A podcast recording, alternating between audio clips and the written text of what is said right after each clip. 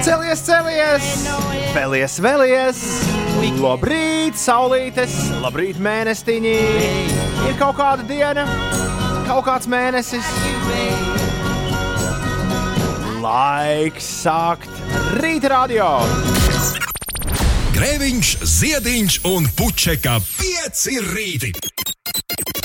Eterā katru dienu starp 6 un 9. Lai teiktu mums visiem, labrīt! Labrīt, Rīga, labrīt, Latvija, labrīt, pasaule! Labrīt, Inês, labrīt, Uldī! Labrīt! Halo! Kur jūs, Labrīt! kur jūs esat? Labrīt! Jūs nesat vēl noslīkuši? Uz to pusi iet pamazām. Uh, tas sākās trijos. Tas sākās ar vienu lielu. Un man liekas, ka atbilde ir dzīvot pirmajā stāvā. Jo es nekad, nekad mūžā no zibens un no pērkona nav bijis tā kā, nu, bail. Vai nekad nav licies, ka tas tev kaut kādā veidā var apdraudēt. Bet eku šeku. Es arī pirms tam dzīvoju pirmajā stāvā, gadus piecus, viss bija kārtībā. Bet nu, tajā rajonā, ku- kurš jau tās reizes ēterā pēdējos mēnešos ir nosaukts Čiekurkalnā, uz kur esmu pārvācies jau gadu. Jēziņš, kā spēr! Kāds troksnis! Šausmas! Man ir aizdoms, ka tur ir, ka, tur ir kaut kas, jā, ko Duhovnijas ar, ar to savu draugu skalī varētu pētīt. Tur kaut kas ir ierīkots. Arī uh, Lindas, mūsu, uh, mūsu naktslokāla kūrētājs, uh, Samsonovs, Lindas uh, civilvīrs, uh, fotogrāfs. Aizmirst pēkšņi viņam uzvārdu. Uh, bet Mikls bija uzņēmis. Varbūt draugs vienkārši. Mikls bija, uz, ja dzīvo kopā, tad jau labu laiku, tad ir civilvīrs. Ne. Nav tāda termina.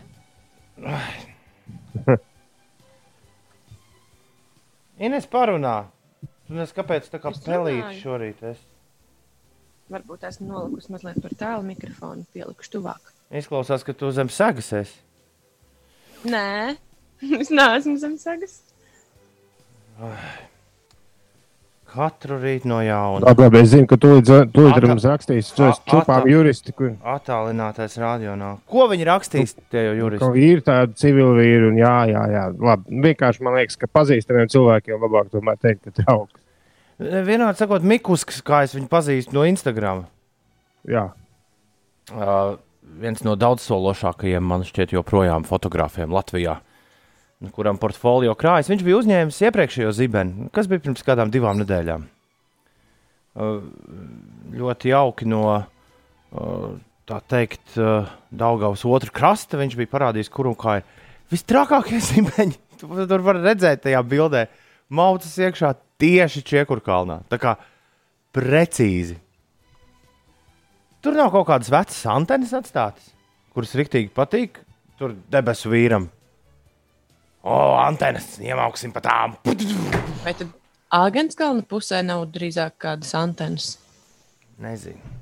Jebkurā gadījumā jau otro reizi mēneša laikā bija sajūta, ka karš ir sācies. No tā es pamodos.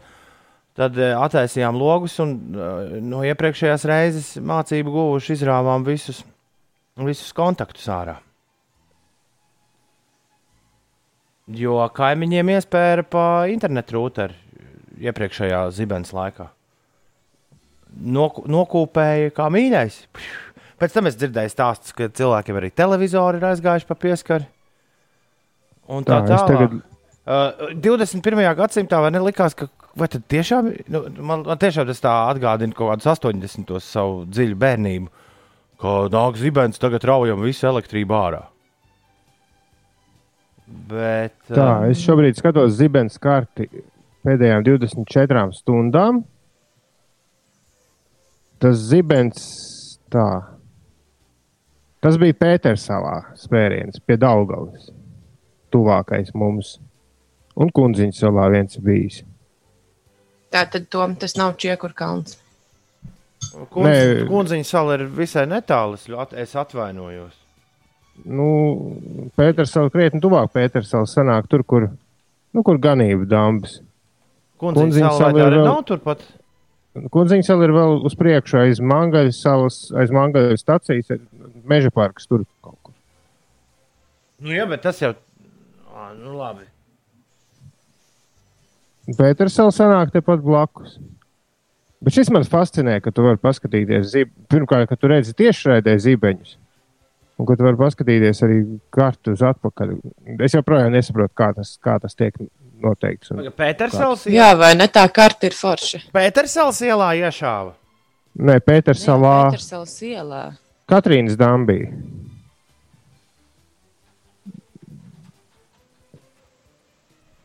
Jā.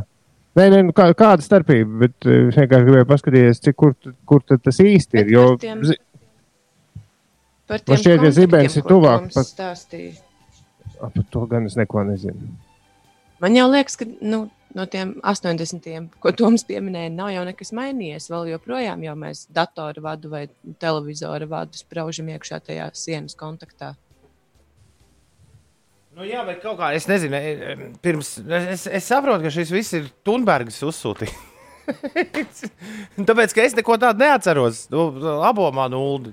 Šitādus zibeņus galvaspilsētā kopš es. Un, ne, e, tiesa, es jaucu kopā zibeni un pērkonu. Uzreiz, uzreiz atzīstos. Es īsti nezinu. Zibens ir Nezini, tā kurš ir kurš. Nē, no Pērkons zibens ir tas, ir- kad ir viss izgaismojas, un pērkons ir tas, kas ir tas lielais troksnis. Šajā gadījumā es vairāk uztraucos par troksni. Tas, ka tur kāds mirkšķis man ir bijis, nebijis. Bet, Bet tas troksnis ir tas. Otrādi, nu, man liekas, tas- tieši ir. Tas sprakšķis. oh, jebkurā gadījumā. Nu, tā, ir, nē, nu, tā ir liela dzirkstele, zibens. Turklāt interesanti, ka tā e, elektrība iet no lejas uz augšu, nevis no augšas uz leju, kāds iespējas.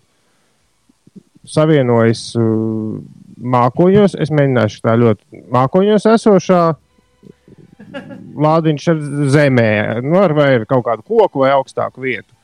Un notiek izlāde. Nu, tā kā pārlec, tā kā statiskā elektrība, ka reizēm no, no mums pārlec, no man uz mašīnu regulāri dzirdstelīt, trāpās, kāpjot ārā. Vai dīvānā. Un, uh, un tas pērkons ir tas sprakšķis. Nu, kad citreiz, kad kādam draugam ir vilnas džempers un trāpās, noiet garām un iesit ar elektrību. Un tāds.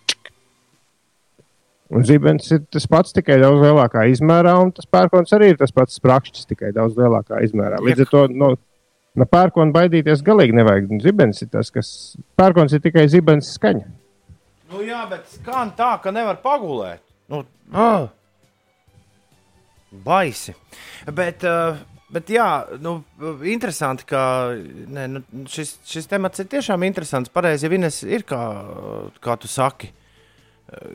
Es gan ticu, ka elektroapgādē ir nu, bijis kaut kas kopš 80. gājis uz priekšu, un, un, un tā, bet, bet bija kaut kā nu, tā. Pat daudz, bija, bija tā kā tāda sajūta, ka nu, tas ir tur tajos 80. gados palicis. Un tas vairs neatiecas uz, uz, uz, uz nu, 2020. gadu pavisam noteikti. Nu, nē, tehnikas varbūt vienkārši ir kļuvušas dārgākas, ko mazliet vairāk žēl ir uh, sabojāt. Ne? Nu, Diez vai. Diez vai tolaik tik televizors bija mašīnas vērtībā. Jā, nu, to es laikam mm, vai nu nepiedzīvoju, vai neatceros. Visticamāk, Bet no pirmais- bērnības gan man ir palicis atmiņā, jā, ka ir obligāti jāizdrauj visi kontakti.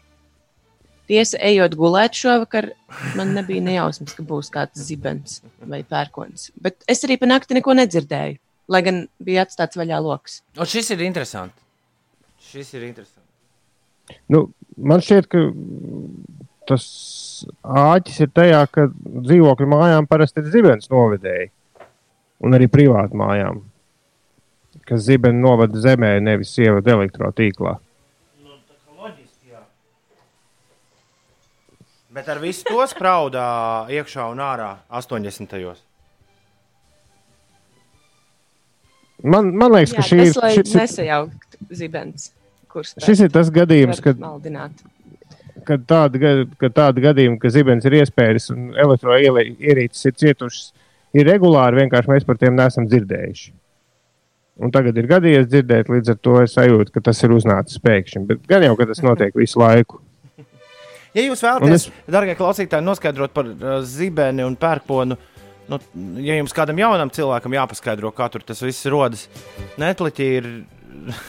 Tajā brīdī, kad Ulas sāk skaidrot, es atcerējos, Netflix ir ļoti jautra mm, filmiņa uh, bērniem, kurš sauc Storybots. un Man liekas, ka Džejs Lēno tieši bija, ja es kaut ko neesmu sajaucis, tad uh, autokolekcionārs un kādreizējais late night guru Amerikas Savienotajās valstīs bija tas, kurš bērniem skaidroja kopā ar Storybotiem zibeni un, un pērkonu. Tur katrā sērijā viņiem viņi vienu dabas parādību apskata. Vai, vai vienkārši kaut kādu bērnu iesūtīt jautājumu, piemēram, kā strādā televizors? Principā 21. gadsimta kāpēc īši. Un tad viņiem parādās visādi ļoti populāri cilvēki. Ļoti iesaku. Zibens ir ļoti interesanti arī YouTube. aprakstīts vairākos video. Es nesen skatījos, tāpēc tas man ļoti nofascinēja tas, ka tā izlāde lielākā notiek no lejas uz augšu, nevis otrādi. Un kā vispār tur tā nu, izskatās, kā tāda koka sakne, tas tā, tā elektrības dzirkstele, kā viņi atrod ceļu uz leju un tad uz augšu. tur Tā Šis garais, pasākums ir aizraujošs. šis garais ievads bija nepieciešams, lai jums pateiktu, principā, vienu teikumu. Pulksten trijos naktī sāk Rīgā gāzt, un gāziens nav beidzies. Un kā teica taksometra šoferis, kurš man veda šorīt, jo es. Uh, ir beidzot ir tā, ka nu, saimnieks savu sunu nedzīt laukā.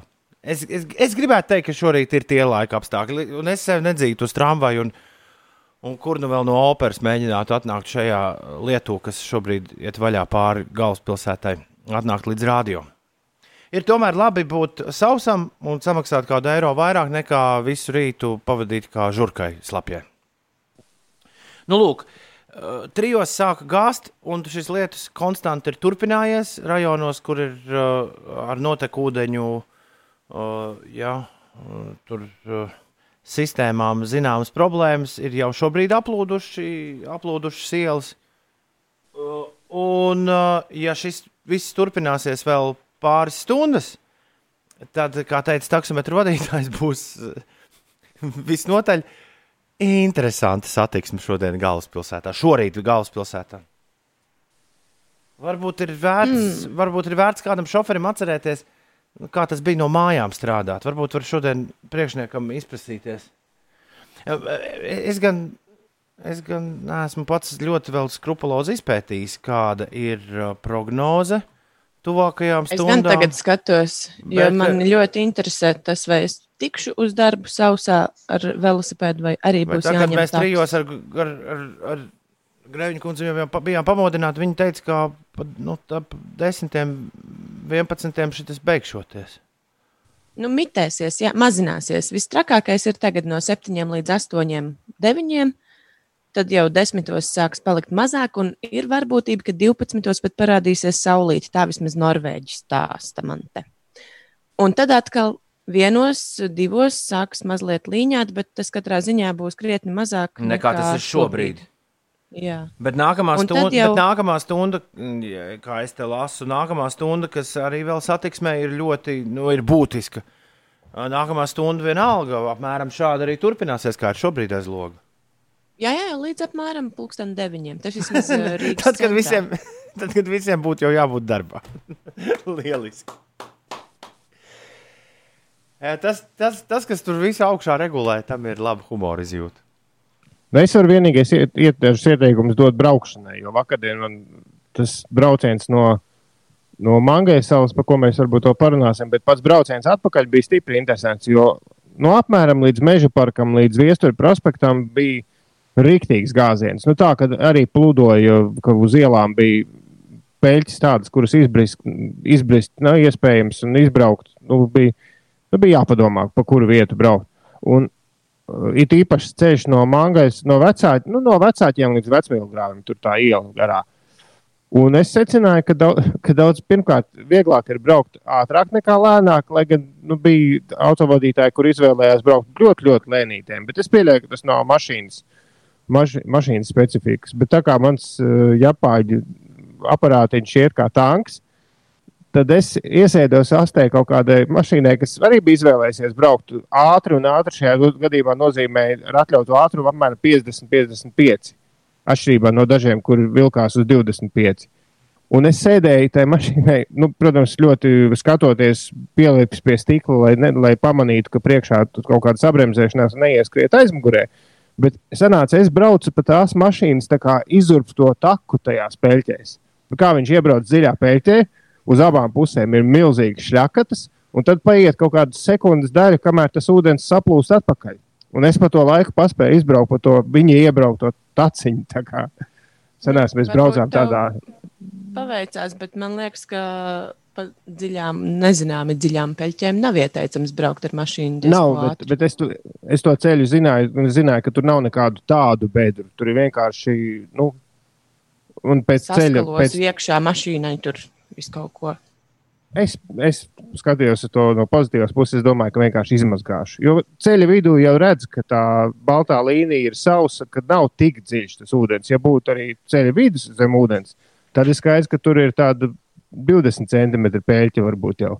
Bet tā kā tas bija krietni mazāk, Katrā ziņā mums izdevās brauciens līdz Vecmūgravim, bija diezgan jāstars un, un sanāca tādā kā, nu, es nezinu, vai tā priekšējiem patika, ka viņam sēž astē. Es pieļauju, ka viņš brīžiem lamājās, bet es tiešām centos ļoti uzmanīgi. Un dažās spēļķēs sanāca tā, ka es skatos, ka ir vēl sauss, un es pa to sauso izbraucu, un aiz manis tā kā, nu, bībelē šī sarkanā jūra tā jā. Bet kopš es noskatījos parazītu, man arī uzreiz šī tādas lietas ā, atsauc atmiņā. ā, Jā, korejiešu triumfu Oskaros šī gada sākumā. Nu, E, Nav nemaz tālu jāmeklē. Mums Kārlis ir atsūtījis, viņš man atsūtījis Facebookā, bet es jums arī pārsūtīju. Valdemāra, es redzēju. Valdemāra ielas galā ir uh, pēc frizētavā. Frizētavā var peldēties šobrīd. Auč! Tu nes, neesi vēl parazītu. Tu esi palikusi no mūsu grupiņas pēdējā, kas parazītu nav redzējusi. Kā Uldis arī jau noskatījās? Mhm. Jā, jā. Viņš kaut Ai. nesen, viņš nesen to kādā sarunā izpauda. Es noskatījos slimnīcā. Un tad es Jā, uzzināju, tad es esmu palikusi Bet, pēdējā. tā, kad tu noskatīsies, tad mums mēs kopīgi varam uztaisīt piecu rītu kinoseansu, jo es tikai nesen uzzināju, ka īstais parazīts ir melnbalts ar visādām ainām, kuras nav iekšā īstajā filmā. Nu, tajā, am, tā teikt, amerikāņu versijā. Vienmēr sakot, eksistē. Un, pat uh, esot Splendid Palace, domājuši vienā seansā to arī parādīt, jo viņš tā kā tādiem kino fenčmacheriem šis tiekot rādīts. Bet jā, tas Kim Bung-jong režisors, viņš esot uztaisījis melnbaltu versiju parazītam, kurā iekšā ir arī visas izgrieztās ainas no tā teikt Final Cut.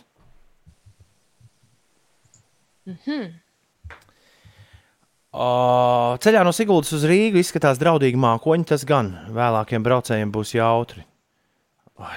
Uldis izpētīs, Uldim patīk pētīt. Viņš izpētīs, kā šie mākoņi, kas šobrīd ir virs Rīgas, kā viņi tālāk uztēsies. Atbilstoši. Vispār ir centrālajā Latvijā. tā kā Tas nav tikai virs Tas nav tikai- eh, Rīgas. Nu, viņš saka, no, viņš ir ceļā no Siguldas uz Rīgu. Viņš pagaidām to nu, Siguldu tātad pa- pagaidām viņš nedabū to, par ko mēs runājam. Jānis, eh, ne rīta Jānis, bet cits Jānis raksta, ka atbilstošākais auto šodien Rīgai ir fūra.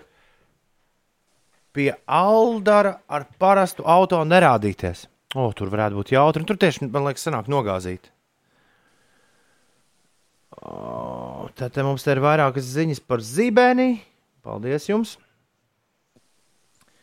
Visiem, kas to ir atrakstījuši. Un, uh, jā, Līvs ir pa ilgiem laikiem mums atrakstījis īsiņu.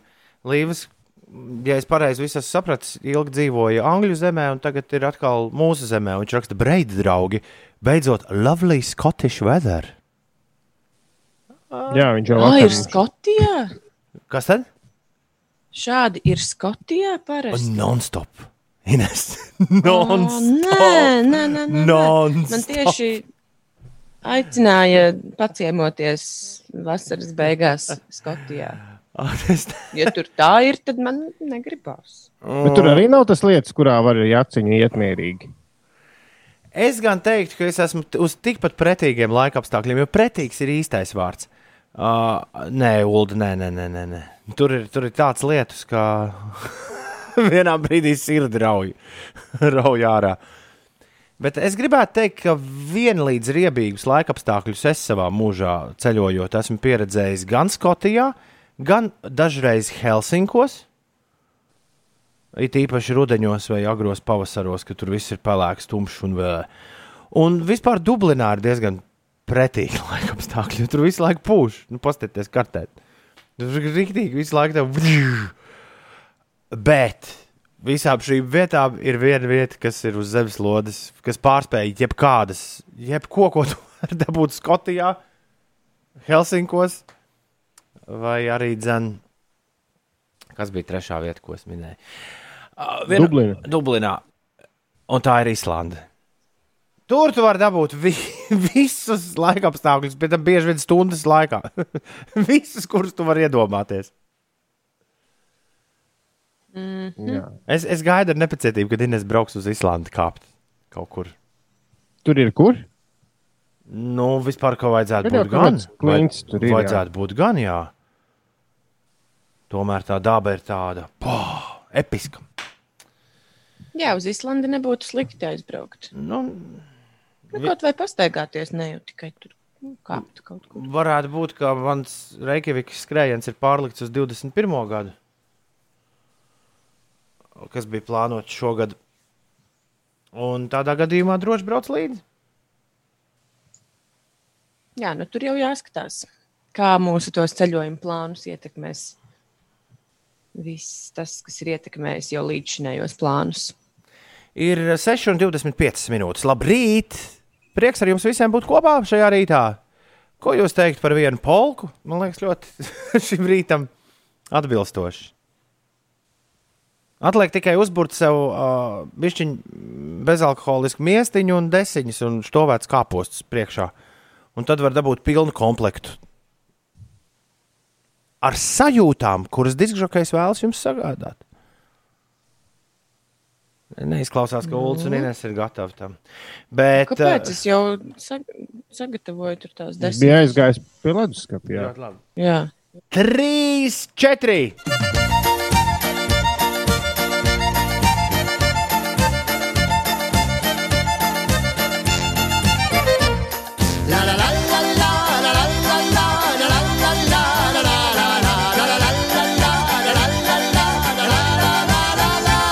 Das schmeckt gut. Die Musi spielt. Ja, ja. Noch einmal. Die Musi, ja, die Musi hat immer das letzte Wort. Huh. Die Musi, ja, die Musi hat immer das letzte Wort. Oh, ja, die Lady, ja, die Lady, ja, die du. Ja, die Lady, ja, die Lady, ja,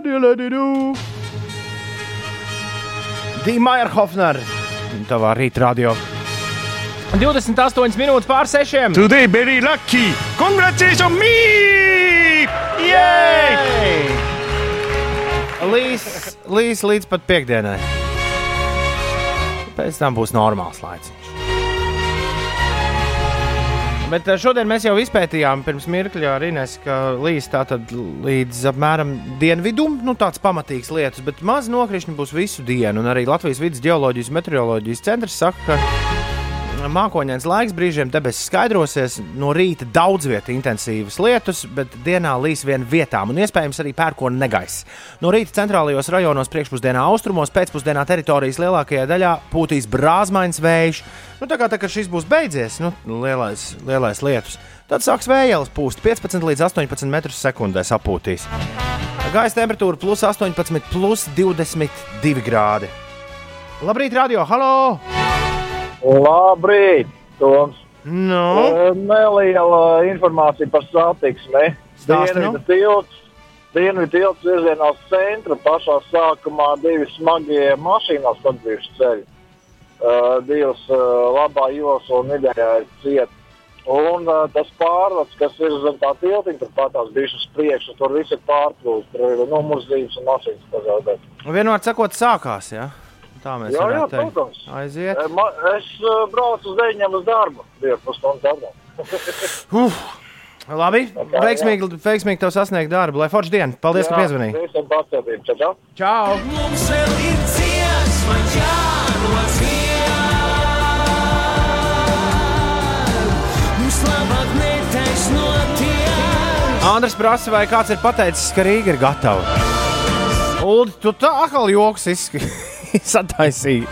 Vakar pastaigājoties. No šeit kaut kāds maziņš vīriņš tev pierādījis, prasīja, vai Rīga gatava? ir, ir, jā, ir. ir. Sirmo.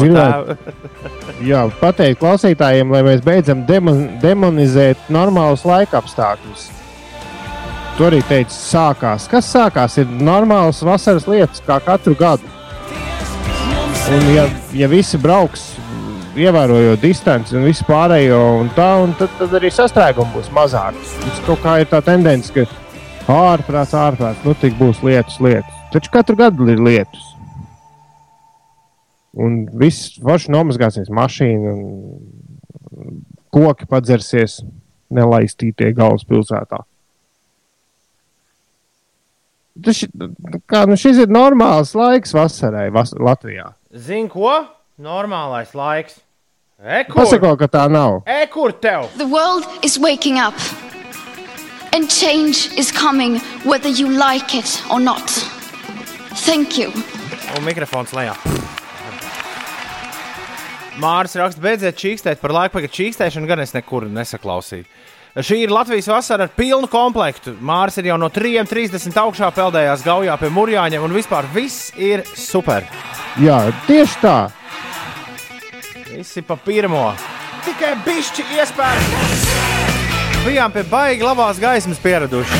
Nu, tas vienīgi, ja, gri, nu, ja vajag pačīkst, bišķiņi, un ja drīkst. Bija tik gaišs ā, vasaras sākums. Un šodien mēs mazliet tā kā rudens ieslēgts. Tāda bija mana sajūta pirms pieciem stāvot virtuvē. Viss tumšs, lietains, drēgnas. Bet es ticu, ka tas, protams, tik uz dažām dienām un miers. No manā studijā paslēptā disku skāpījuši izvilktie ACDC Thunderstruck ir izskanējuši. Ir 6,39. Ines, tagad tu stāsti, kas notiek. Es mazliet atkārtošos, jā, ka sarkanais brīdinājums joprojām ir spēkā. Lietuvas mazināsies tikai no dienas vidus. Aizvadītajā naktī Latvijas centrālo daļu ir sasniegusi plaša un spēcīga nokrišņu zona, kas vēl šorīt un arī priekšpusdienā turpinās nest lietu daļā zemgales un daudz viet arī vidzemē. Šāds lietus var radīt lokālus plūdus, iespējami izskalojumi autoceļos, ūdens var krāties uz brauktuvēm, kavēt eh, satiksmi, jo daudzās vietās valsts centrālajā daļā eh, šīs lietavas sasniegs 60 līdz 80 litrus uz kvadrātmetru. Izklausās biedējoši daudz. Bet dienas gaitā līs tikpat kā visā Latvijā, bet citos reģionos lietus būs eh, īslaicīgs. un Priekšpusdienā pūtīs dažāda virziena vējš, gaisa temperatūra plus 17, plus 22 grādi. Twitterī jau pamazām eh, sāk parādīties pirmās fotogrāfijas ar aplūdušām ielām. Viena no tām bija par Torņa kalnu ielu, un mums zvanīja kāds klausītājs vēl par satiksmi runājot, eh, ka dien, dienvidu tiltam eh, virzienā uz centru, tur, kur ir nobrauktuve, tur esot negadījums. Tā kā ņemiet vērā to, kas eh, brauc uz darbu. Vēl viena ziņa, eh, jauns Covid-19 uzliesmojums joprojām var parādīties jebkurā brīdī. Turklāt, pieaugot cilvēku starp valstu kustībai, ir lielāka varbūtība, tas varētu būt saistīts ar kādu atbraucēju no ārzemēm. Tā ir eh, vēstījis galvenais mūsu infektuologs Uga Dumpis. Pēc viņa paustā situācija ārpus Baltijas valstīm ir sliktāka un kopumā pasaulē tā pasliktinās. A, Ko tu domā, tev nokārto kaut ko līdzīgu, kā Dāņi, man liekas, dara? Un, un, un, un es interesējos, ja nu pēkšņi es nebūtu bijis salauzis roku un varētu braukt uz Īslandes maratonu, kurš būs visai nu, savādāk izskatīsies nekā maratona izskatījās iepriekšējā pasaulē. Tur būtu lidostā uzreiz kaut kāds uh, superātrais 100 eiro vērtais tests jāuztais pašam par savām izmaksām. Un viss un gatavs. Varēja jau sakārtot kaut ko līdzīgu šeit. Bet uh, taču tie testi, nu, tev ir kaut kāds tas divu nedēļu inkubācijas periods, vienalga ir teorētiski. Teorētiski, jā, bet dāņi un i- i- islandieši ir to, to tā kā izvirza par. Nu, viņi ir. Nu, Nē, nu, kā, mums jau ir tas pats, ja tu brauc no valsts, kurā ir tas uh, saslimušo skaits uz cik uz 100 tūkstošiem zem 15. Jā, bet tev neviens tur saprot. Tev, tur tev nav izvēle. Tu gribi, 15, gribi tikt iekšā. Nav jāpavada divas nedēļas karantīnā. Ja ir virs 15, tad ir. Labi, bet, bet tu tikpat labi vari pavadīt, tu vari nepavadīt. Un tāpat kā visiem ir jāvalkā sabiedriskajā transportā maskas, tāpat tu vari arī nevelkāt sabiedriskajā transportā maskas. Jo, kā Uldis vakar to teica, katrs domā pats ar savu galvu.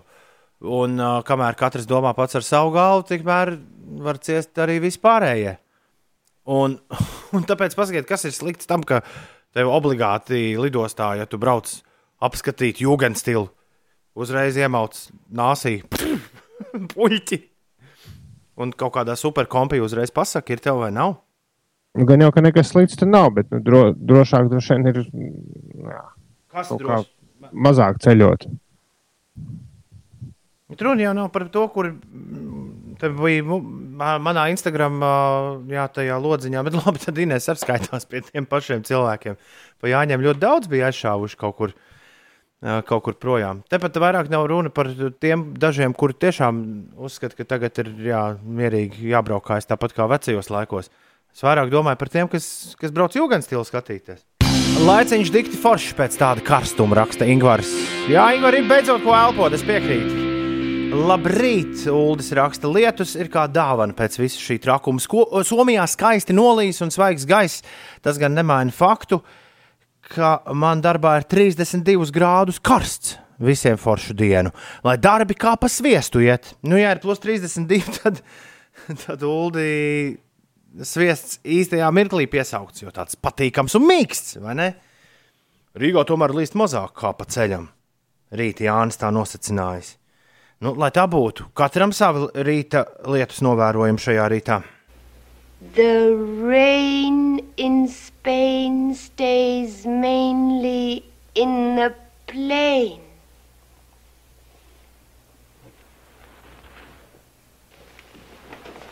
Again. The rain in Spain stays mainly in the plain. Kopš pamodos man galvā visu laiku Audrija Heberna skaņas, kur šitā te saka. Rain in Spain stays mainly in the plain. Kaut gan es nekad Ulu līdz galam nesu sapratis, ko nozīmē The rain in Spain stays mainly in the plain. Nu, man šķiet, ka šis stāsts ir par kokniju, par angļu valodas žargonu. Tas, tas gan, bet jā, ko tas nozīmē? Bet vienalga, tad, kad līdz tam kaut kā tā, to tā Holivuda ar mums ir izdarījusi. Brr. Iedzīts iekšā smadzenēs. Brr. Meitenes un zēni, dāmas un kungi! Džezā! Tikai Meitenēs!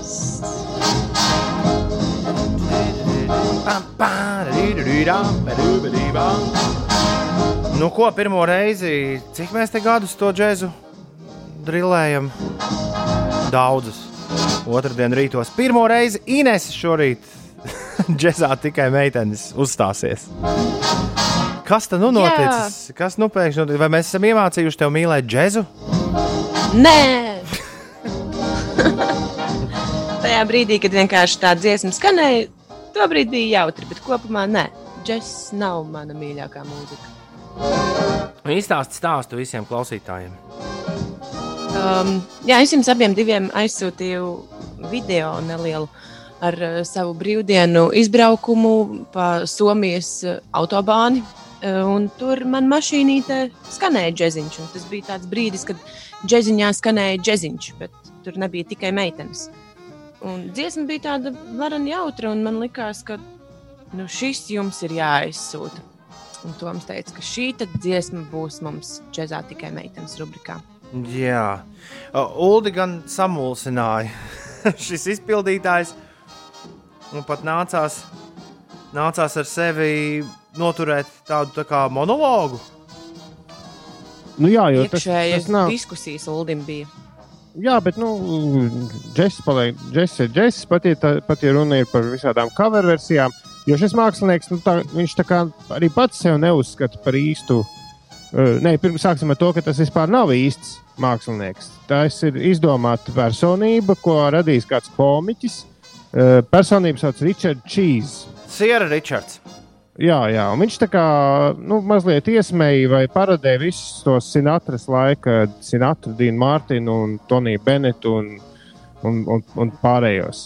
Nu, viņš tā kā parodēja to un spēlēja diezgan daudz cover versijas. Un arī šis skandarbs būs no viņa pirmā albuma Lounge Against the Machine. Un uh, Siera Ričards ir ķēries klāt Tomam Jorkam, Edam O'Brienam, Džonijam Greenwoodam un ceturtajam Čalim. Varbūt viņi pat pavisam pieci ir. Nezinu. Nu, vienmēr sakot, Radiohead vīriem. Labi izglītotiem Oksfordas švītiņiem. Un viņu 90. gadu lielākais grāvējs Creep ir pārtapis džēzā. Šorīt džēzā tikai meitenes no Ineses džēziņa mūsu ausīs. Ričards Čīs ar weirdo. What the heck am I doing here? I don't belong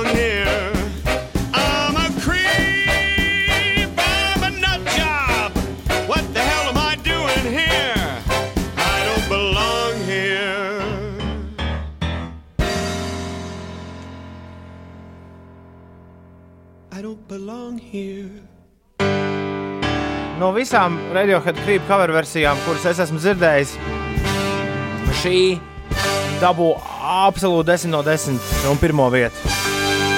Ričards šīs un Creep.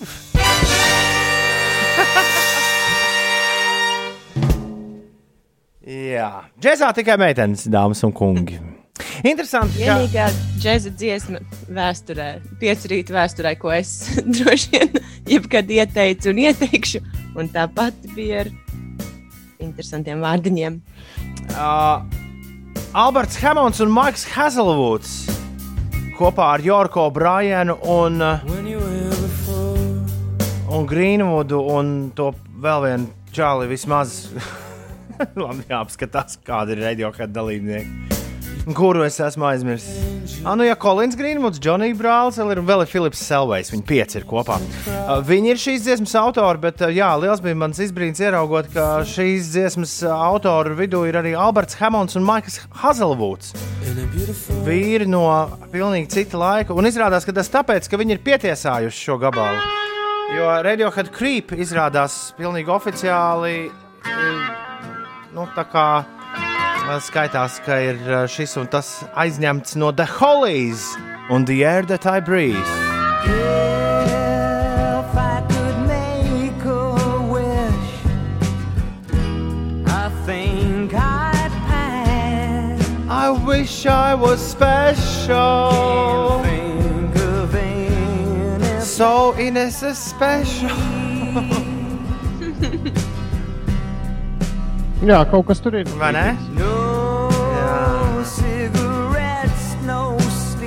Tā kā ik reizi, kad mēs uzliekam uh, krīpu, tad uh, Alberts Hemons seniors saņem mazu naudiņu.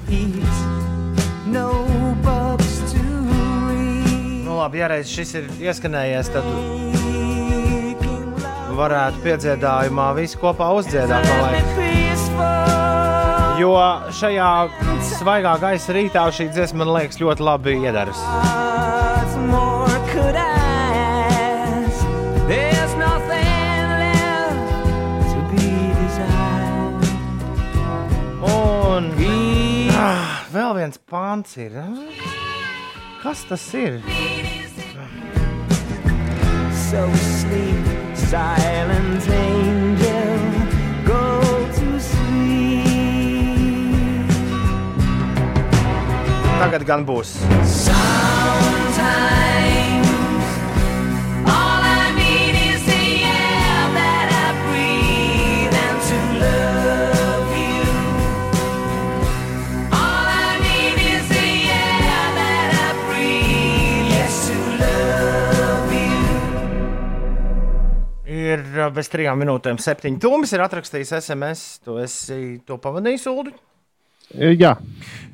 Nu tad, trīs, četri. beidzot lietus arī klāt, jāiet pēties palēkāt. Ūdens te un ūdens tur, tagad ūdens visur ir. Baudām lietu spēli dzestru, baudām ūdens labi iestver, lai ir jauka diena. Šī zonķi kutik paņem līdzi, tā mums tums raksta SMS, buldas lasa, nedzirdot mūziku. Ah, nē, es tagad dzirdu mūziku, kas ir noticis, kaut kas ir mainījies. Nezinu gan, kas mainījies ir, bet mūziku tāpat dzirdi. Nedaudz vēlāk, kā mēs pārējie.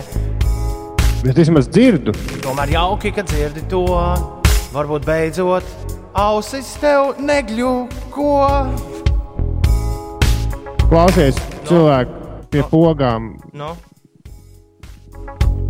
Jā, Nemūdies daudz. Es vienkārši nedzirdu no studijas mūziku, tad, kad es runāju. Šorīt dzirdu. Nē, nē, tas bija vienkārši tā Vienīgais, bija kurš to atskaņa. var- Tā bija atskaņa, kur vi- vienīgo es uz ātrā varēju dabūt. Labrīt. Man ar ausīm nekad viss ir kārtībā.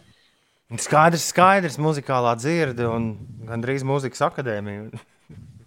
Nē, ļoti tālu no mūzikas akadēmijas. Man, man mūzikas vidējās nav. Es vakar skatījos, nezinu, kas bija uznācis. Skatījos vienu lielu interviju ar Nirvana savulaik YouTube. Un tur, ā, un tur ā, Kurts Kobēns teica, man nekas no, šitā, no, no, tām, no, tiem, no tām tercām, no, no tām gamām, nekas man no tā nav vajadzīgs. Jo mazāk es par to zinu, jo labāk. Tas tikai traucē radošumam. Es pat nezinu, kā ģitāru pareizi spēlēt. Tā viņš teica. Labi, vien ir. Forši sanāk.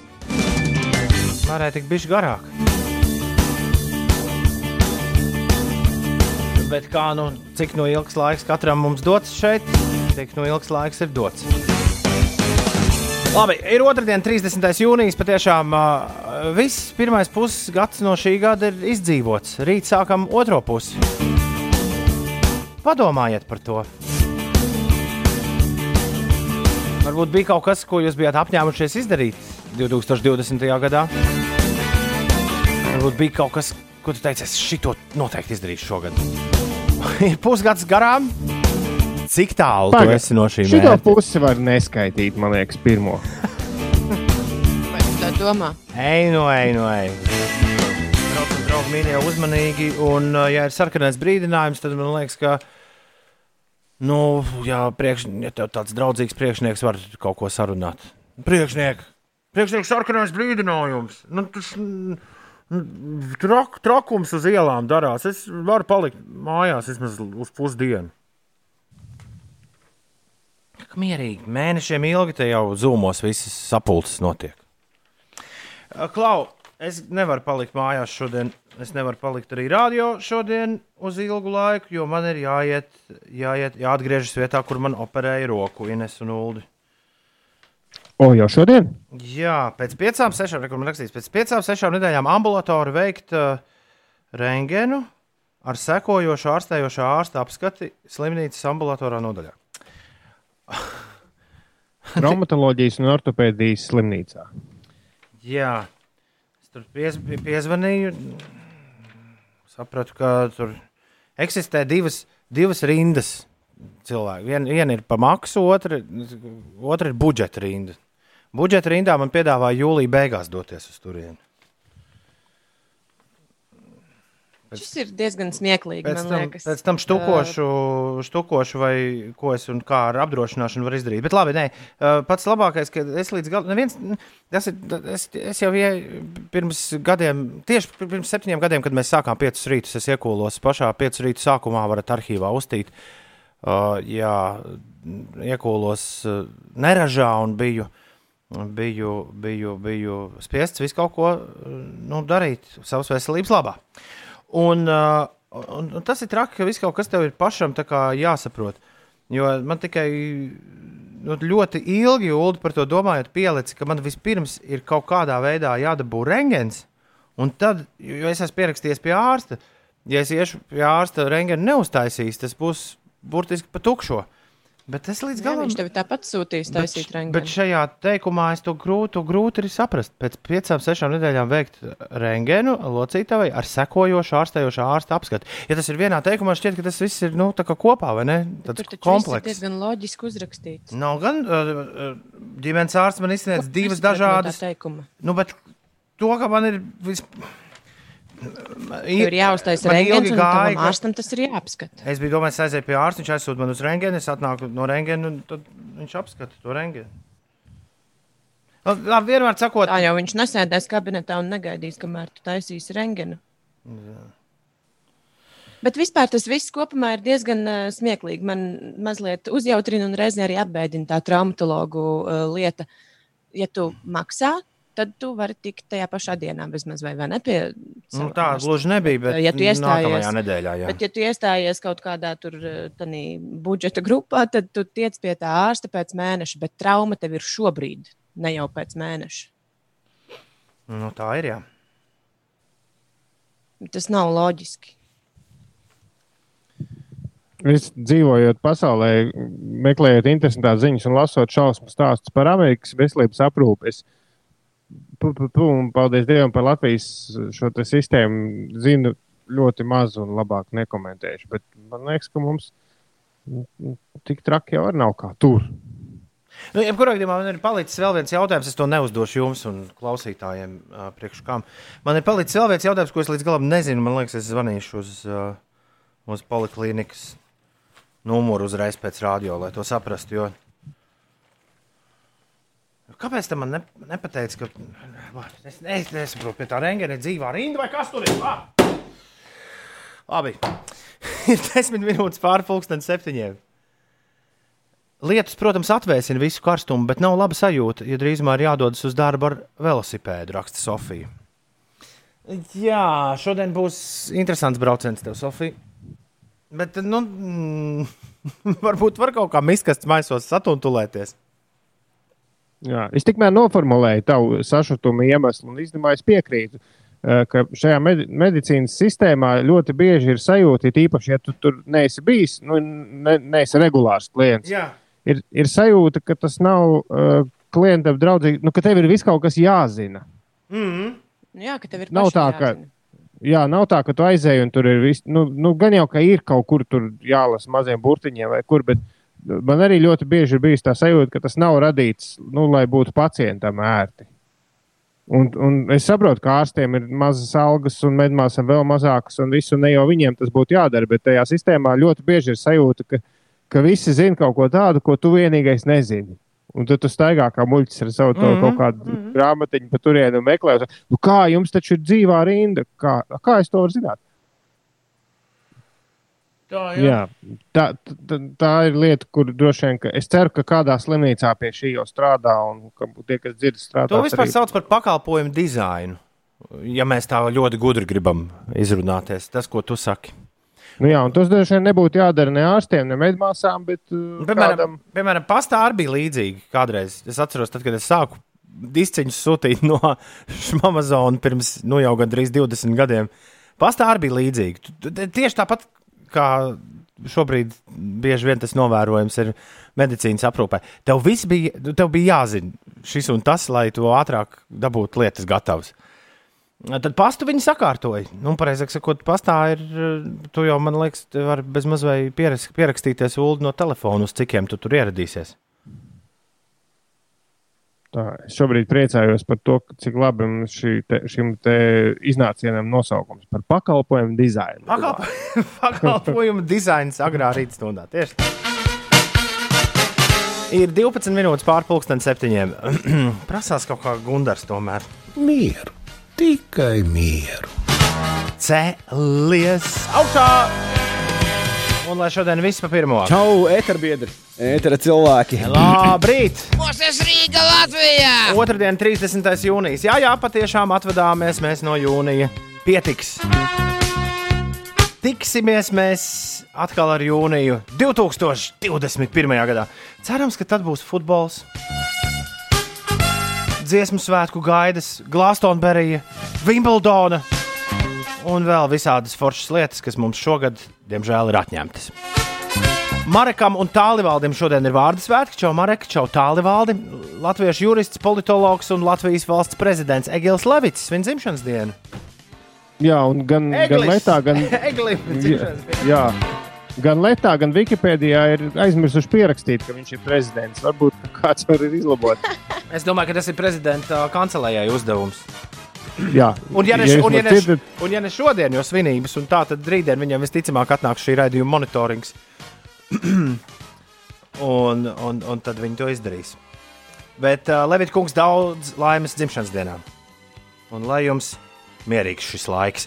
Paulam Dāmbim, komponistam, Levita kungs ar jums vienā dienā dzimšanas diena, tāpat kā Jānim Peteram, dzēniekam. To jūs iespējams zinājāt, bet vai jūs zinājāt, ka arī Maiks Taisons dzimis ar jums vienā dienā? Diži vīri, diži vīri ir šajā dienā dzimuši arī Ralfs Šumahers, Vācijas autosportists. Viņš bija Mihaila brālis, vai ne?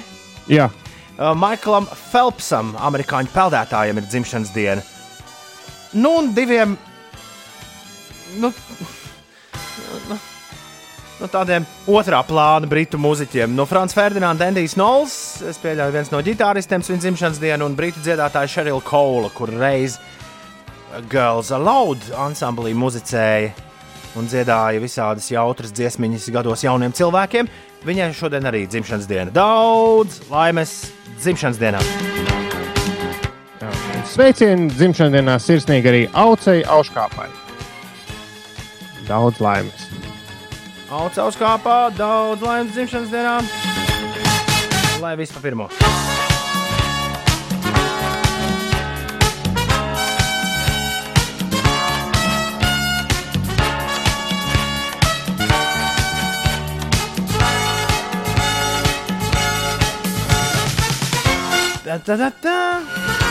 Es vēl vēlos Ilzu Udru apsveikt dzimšanas dienā. Viņai šodien ir dzimšanas diena TV producentei. Mūzikas, jā, uzņēmējam Ojāram Grasmanim šodien arī dzimšanas diena. Daudz laimes Jānim Olmanim. Iespējams, vēl joprojām Valmjerā, iespējams, šis tas mainījies. Daudz laimes dzimšanas dienā Einārs Zeltsmanī!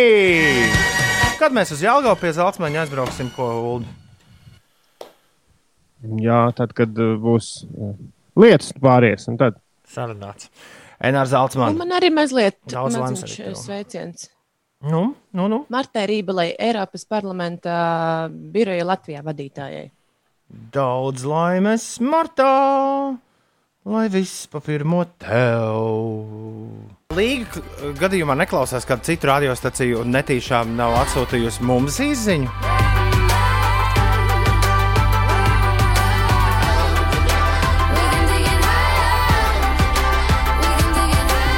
Jo man grūti iedomāties no visu, ko mēs runājām šeit. par medicīnas dizainu, Jā, pakalpojumu. pakalpojumu dizainu medicīnas nozarē. Jā. Tad ir grūti. Uh, kas nopietni līga? grūti saprast, kur tu šito sadzirdēji līga.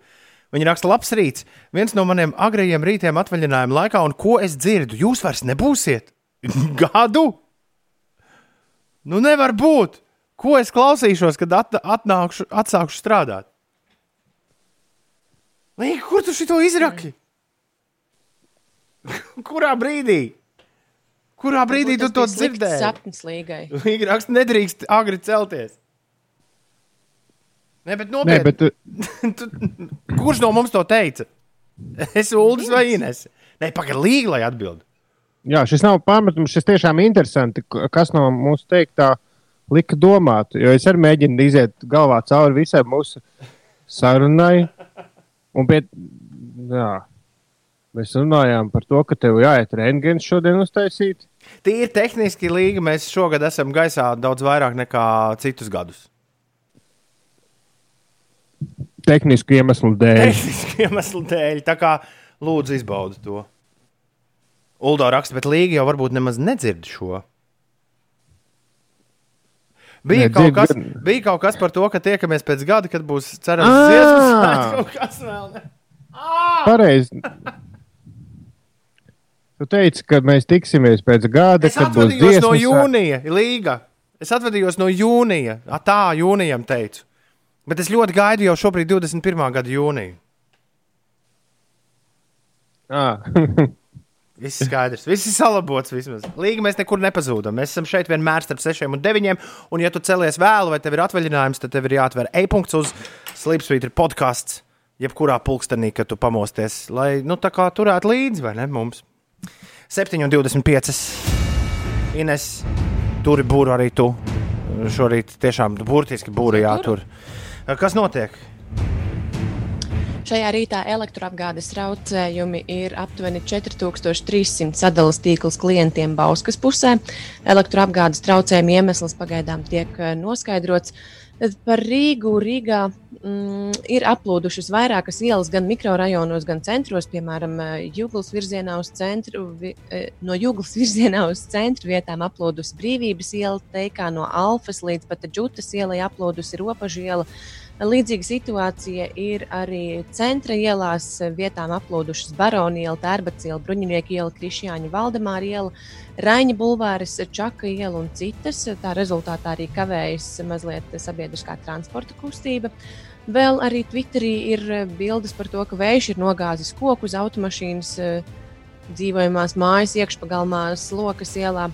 Un šādi laikapstākļi, kad ir spēkā sarkanais brīdinājums Latvijas vidas geoloģijas, meteorolo- geoloģijas un meteoroloģijas centra, e, būs līdz pat dienas vidum. Kopējais nokrišņu daudzums vietām valsts centrālajā daļā sasniegs 60 līdz 80 litrus uz e, kvadrātmetru. Šādas lietus var radīt lokālus plūdus, iespējami izskalojumi autoceļos, ūdens var krāties uz brauktuvēm, kavēt e, satiksmi. Bet nu, tāda rekordiste ar visvairāk nolījušo lietu šobrīd ir Rūjiena. Tur ir pieskaitot arī vakardienas lietavas 62 mm. Ūdeņains saldējums būs. Cerams, nē. 7, 27. Uh, pandēmijas laika dzējas vēl notiek otrdienās. Notiek, notiek, notiek. Par ko tu vēlēsies, lai mēs tev kādu pantu uzrakstām tādā gadījumā, Ines? Nu, Es domāju, tas ir diezgan acīm redzami. Jums ir jādzējo par lietus plūdiem. Labi. Izaicinājums pieņemts. Uldis, kā var dzirdēt, jau dzējo šobrīd. Jā, jā. Ļoti. Jau metos uzreiz rakstīt. Aiziet. Saņemies un pieņem visu, kas man pieder. Viss Singapūras satīns ir beidzies. Tauri ir. Tas gan bija ātri. Vai ne, Ulu? Ja man vēl divas rindiņas jāpieraksta, tad es būšu to. Izdevās, jā, tieši gribēju noskaidrot, vai dziesmas laikā izdevās Kaut eksperimentālie dzējas, jo Tiešām panti. bija diezgan īsi. Rīktīgi eksperimentāli panti sanākuši. Pats ļaunākais tas, ka tu vai ne, raksti pantus visu laiku, kamēr skan dziesma. Oi! Un tad tu saproti, ka tu neesi līdz galam. Nu, jā, dziesma beigusies, bet kas tad tālāk? Tālāk vajadzētu kaut kādu mūziķiņu, vai ne? Uz kuras dzējas lasīt. Nu, labi, to var pie, paldies Dievam, ātri organizēt. Re, kur- Re, kur ir. Bet pēc tam arī jāskan kaut kādai, kaut kādai mūzikai.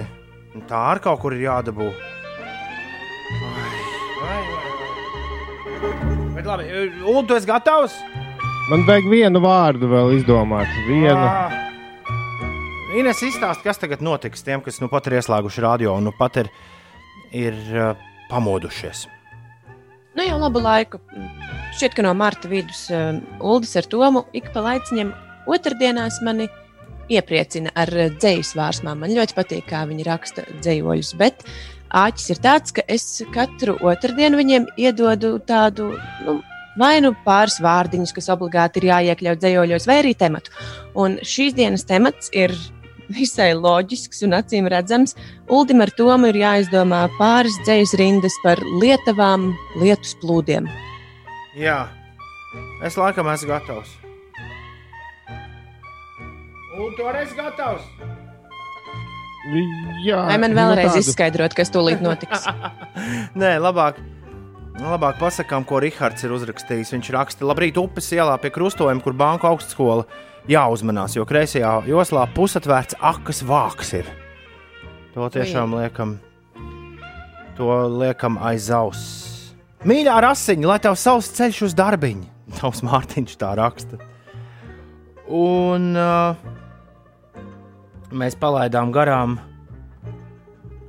mēs palaidām garām uh, Foršajam Naurim dzimšanas dienas sveicienu.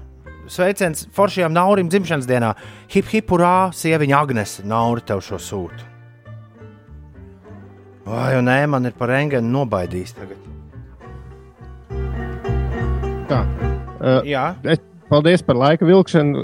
Ja es pareizi sapratu, es esmu gatavs. Ļoti labi, ļoti labi. Tad tu Jā. sāc. Lūdzu. Jā, es, es, es mēģināju ieraugt Singapūras satīnā, jo klausoties, kā tur, man nezinu, tas bija Krivenčī vai kurš tur skaitīja pantus. Man kaut kā tas viņa ritms uznāca. Nu, tas de, de, de, de, de, Bet, de, Cik tev patiņi ir? Cik tev patiņi šodien ir? Trīs. Trīs, bet katrs citā pantmērā. Tad varbūt sāc ar pirmo, un pēc tam dod man vienu. Tad pirmais vēl būs uh, tā kā visiem vēl spilgti atmiņā Singapūras satīna rindas. Viņiem tas ritms tāds, tā, tā, tā, tā, tā, tā, un es arī mēģināju, nu, viņu mūzikā rakstīt to dzēju. Tāpēc varbūt šīs mūzikas, kas skanēs dīvaini, bet galvā iedomājamies, ka skan blingu apakšu. Nu, labi. Jā. Mēģināšu uzrakstīt, es rindas tā kā satīns. Ines prasa lietu, bet atskaņā dara urīns. Nezinu, vai īsti labi ēteram tas sanāks. Prezidenta dzimšanas dienā vajadzētu labāk. Vai kur tur plūdi un lietus? Nu, bija lietas. Kam? Ines nu, prasa tas bija lietu, bet at- tematisks. Jā. Jā, bet kur tur Ines kur tu prasa atradi- lietu, bet atskaņā Kur tu atradi atskaņā urīnu? satīns. Kam gan man visi saules rieti, ja tiem allaži seko baisi lieti? Teikšu atklāti, tas visai cieti. Besi ārā man tie gumijnieki.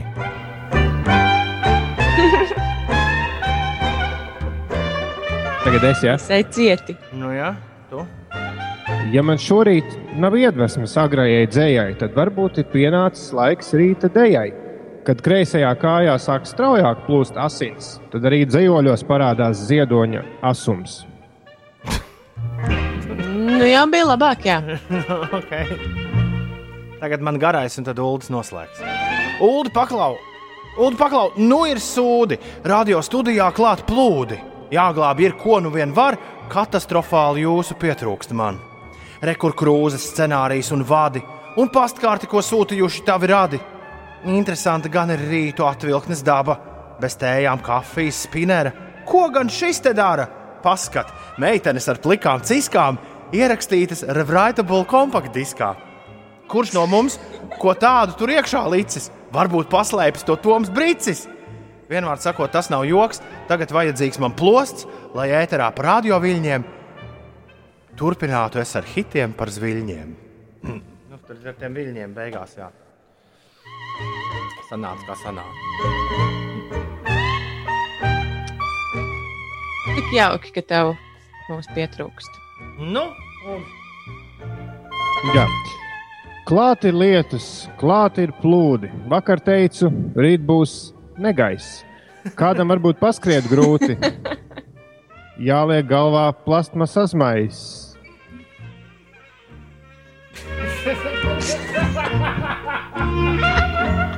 Nu kā, eh, rīt būs negaiss, atskaņa ir plasmas asmais.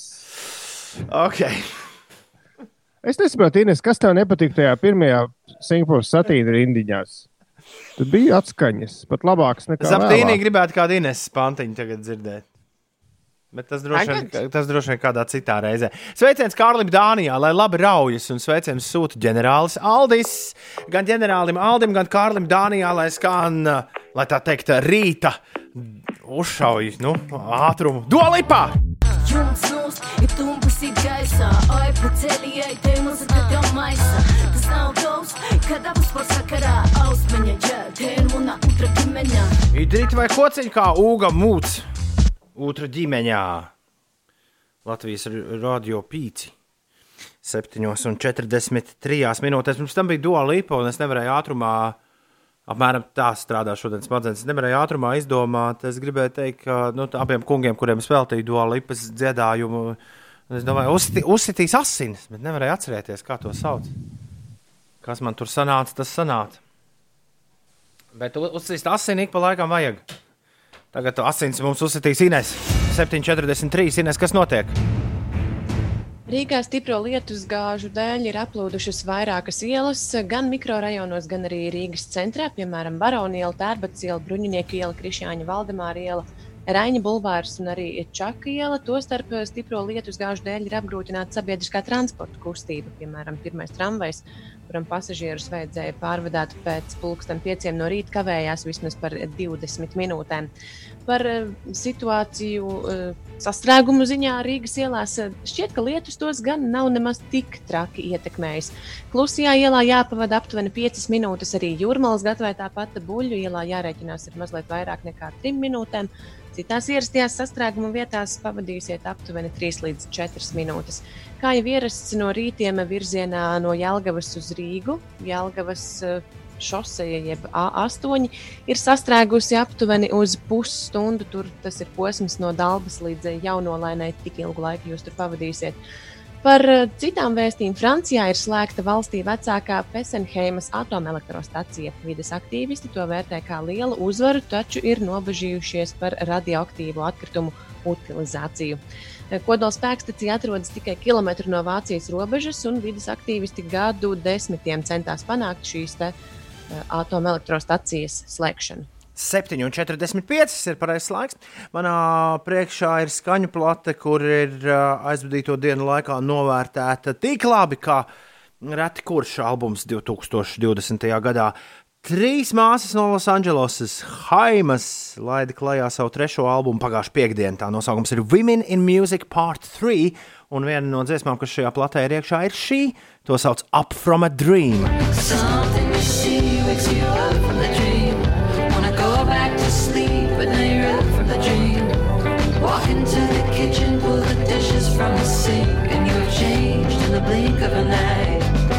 Women in Music Part 3 ir skaņa plate, kas tagad jāklausās. Haimas Up, for, up from a Dream dziesma no šīs plates šobrīd. Ir izskanējusi 7,48 minūtes. Ir pareizais laiks. Šeit pieci rītī. Labrīt! Pieci rītī skatās TV. Un vispār jau neskatās, jo Ulim un Inesē bija, bija brangas brīvdienas nesen. Jā, tur nu galīgi nesanāca vispār palietot tieši sociālos tīklus. Es esmu. Šķiet, par vienu Netflix šovu es neesmu bijis tik lielā sajūsmā pēdējā pusgada laikā, jo no šī es esmu izspiedis trīs veselas epizodes. Kā no šova, kuram nav nekāds sakars ar seriāliem. Man ir kaut kāda sajūta, ka skatās TV rubrikā mēs aktieru uh, seriālus nu, apskatām galvenokārt. Tāpēc es vienkārši ievadu šī rīta Šī rīta skatās TV rubriku ar seriālu Nebe TV šovu, kurš ir sestajā vietā Latvijas Netflix topā. Flora is lava! Grīda ir lava! Tas ir kaut kas bērniem. Tas var būt arī bērniem, jo no septiņu gadu vecuma to drīkst uh, skatīties. Nē, bet doma ir, uh, tas ir stafešu konkurss uh, cilvēkiem, kuri nav atlēti. Nu, proti, es domāju, ka beidzot ir viena TV spēle, kur mēs Latvijas versijā varētu mierīgi kā uzraut kā dalībnieki. Mēs trīs, jo tieši trīs dalībnieki ir nepieciešami tajā. Tur tiek ielaists iekšā istabā, kur ir pilna ar visādiem, uh, tad, kurā ir ieliets tāds sarkans šķidrums, kurš ir lava. Un uh, ir salikti visādi, visādi šķēršļi, visādi pribambasi, pa kuriem lēkājot, tev ir jātiek līdz, līdz izējai. Tev ir jāiztuko pareizais veids, kā iziet cauri visai tai istabai. Spēlē trīs komandas, kur komanda nokļūst visātrāk galā un zaudē pa ceļam vismazāk ja, dalībniekus. Tā arī uzvar un dabū 10,000 dolārus. Man liekas, ka Inês droši vien ka vienīgā tiktu līdz pašai, pašai galam, bet um, man liekas, ka jautrība mums būtu liela. Floris lava spēlējot. Bet jā, ļoti aizraujoši karstā dienā, tā kā neko negribas darīt, uzlikt un paskatīties. Grīda ir lava! Ja kā mans jaunākais dēls saka, lama! Uzliec lamu! Jā, to, var, to var droši paskatīties. Ļoti, ļoti viegli un, un forša televīzija, bet uh, Ulas viesīs mūsu uzmanību uh, seriālam, kurš ir ieradies uh, arī ar lielu blīkšķi Latvijas Netflix topā, 4. vietā šobrīd. Mm, Seriāls, kurš šķiet iepriekš tur nemaz nebija pieejams. To sauc Modern Family. Dzirdēts par to ir daudz, pārdod lūdzu Ulu man to. Kāpēc Modern Family ir jāskatās? Tāpēc, ka Modern Family ir viena no pēdējās desmitgades labākajām komēdijām, kāda ir radīta. Un tā ir nu, jau arī Latvijā tik populārajā dokumentārijā stilā. kur ļaudis bieži tiek intervēti. Nu, noteikti tāda kā intervija ar seriāla varoņiem. Izskatās vienot sakot pēc dokumentālās filmas Bišķiņa. Tas ir mockumentary, nu, jo, jo mockumentary nāk no documentary.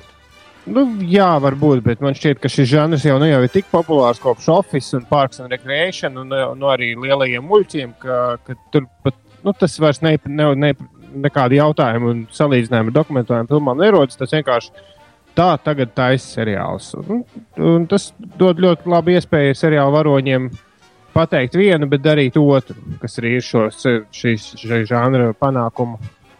Tā kā, nu, pamatā. Modern Family ir seriāls par ļoti modernu ģimeni. Seriāls ir jau, man šķiet, septiņas gadus, nē, sāka, sāka to rādīt 2009. gadā jau. Es par to uzzināju apmēram 2013. gadā, tad kādu laiku ļoti aizrautīgi skatījos. Un kaut kur pēdējās divās sezonās apmaldījos, un visu laiku domāju, nu, kaut kad atkal vajadzētu noskatīties līdz galam, jo seriāls tikko ir noslēdzies aprīlī. Un šeit, kur gadījies, kur ne, vienā atvaļinājuma vakarā pēkšņi pamanu, ka, oh, paskat, ir uh, Netflixī uzrādījies, jo es neatceros, kā es agrāk skatījos, un kur. Nu, tas man kaut kā nav palicis atmiņā, bet skatījos. Seriāls stāsta par ģimeni, kuras uh, augšgalā ir tāds kā patriārhs, ir uh, aktieris Eds O'Neils, kas ir ļoti redzēts seriālā. Kā tur bija precējies, ir bērni vai kā viņi kā to latviešu bija iztūkojuši. Viņš spēlēja tādu L bandītu, tādu vīru. Nē, esat redzējuši, neesat redzējuši. Labi, nekas aizmirstam. Nu, lūk, un, uh, Turpiniet, turpiniet. nē, es brīd... Jūs taču zināt, precējies ir bērni. Nu, it kā. Nu, jā, nu, nu, bija tur tāds vīrs, tāds īņķis. Un viņam ir, viņam ir bērni, viņam ir uh, netradicionāls seksuāls orientācijas dēls, un ir uh, meita, kas ir precējusies ar ļoti interesantu vīru, un viņam ir trīs bērni.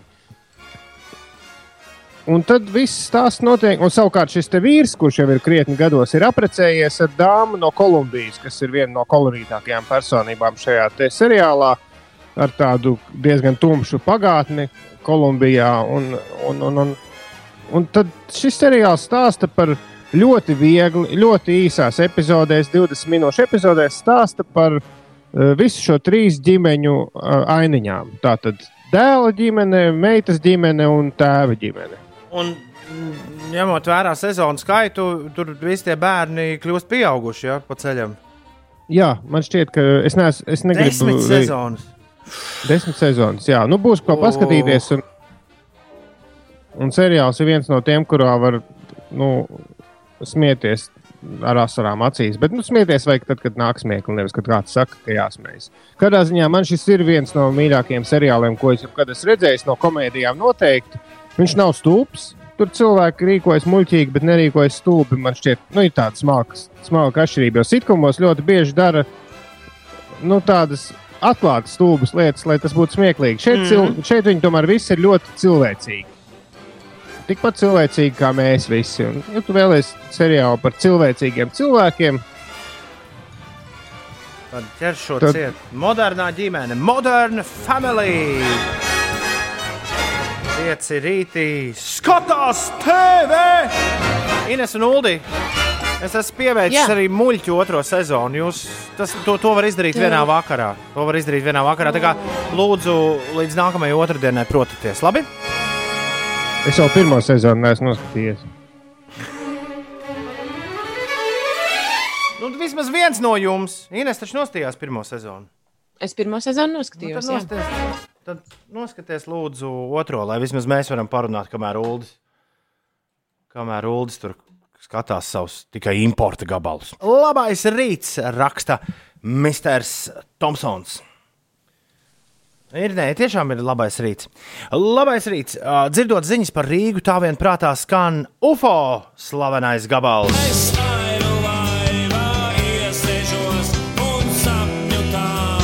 Peldiet prātīgi! Kaspars arī raksta, ka ganība dām bija nepieciešama laiva ar airiem. Tāds nu ir šis rīts, dāmas un kungi. Tāds viņš ir. Bet Ulas vakar Lietuvā gāja peldēt. Ah, tas Jā. droši vien ir viss foršākais, ko darīt Lietuvā. Nu, pastāsti, kā tas bija. Nu, jāatzīst, es paspēju ielīst jūrā vēl bez lietus. Bet, nu, pirmais ieteikums ir paņemt līdzi lietus sargu. Un eh, labi, ka es paņēmu, jo to, ka, to, ka ir tāda melna mākoņu jūras, es pamanīju tikai pienākot pie pašas jūras. Bet nu, kaut kā iekšējā balss teica, ka varētu būt eh, šā nepatikšanas. Un, jā, un tad vielas vismaz bija savs, jo lietu sargs nostiprināja, un soma arī bija nesalījusi. Un tad tu ielien, un, un tas labākais ir tas, ka tu ne, na- nav vairs tā jūras pamala. Jūra vienkārši vienā vietā sajiet kopā ar lietu, ar debesīm. Nav tā kā tu, nu, tu redz tālumā, un smuka jūra, un visa jūra ir nu, tā, tā sajūta, tā kā būtu krusta, lai gan nav krustas, un visa tā jūra tā kā vārās. Beautiful rain, rain, rain, rain, rain. Beautiful rain. Kamēr tu šo piedzīvoji, es stāvēju uz lieveņa, un man ļoti sagribējās šos afrikāņus, kurus man liekas, reizes Pols Simons atrada. Paklausīties. Tā es arī visu vakaru viņus klausījos. Viņiem ir skaista dziesma par skaisto lietu, par, par beautiful rain. Rain, rain, rain, rain. Beautiful rain. Vienmēr, kad es dzirdu šo dziesmu, tad es aizdomājos par to, ka mēs uh, ir tik daudz kaut kādas pašsaprotamas lietas, kuras mēs nenovērtējam līdz galam. Nu, ied- Iedomājieties, kāds Āfrikā ir šiem vīriem, kuri dejo lietus deju un dzied beautiful rain. Nu, jā, ir Kāda viņiem dāvana ir? Cilvēki priecātos par šādu lietu, kāds mums ir šodien. Tā kā, tā kā bau, baudām visu, ko mums dod.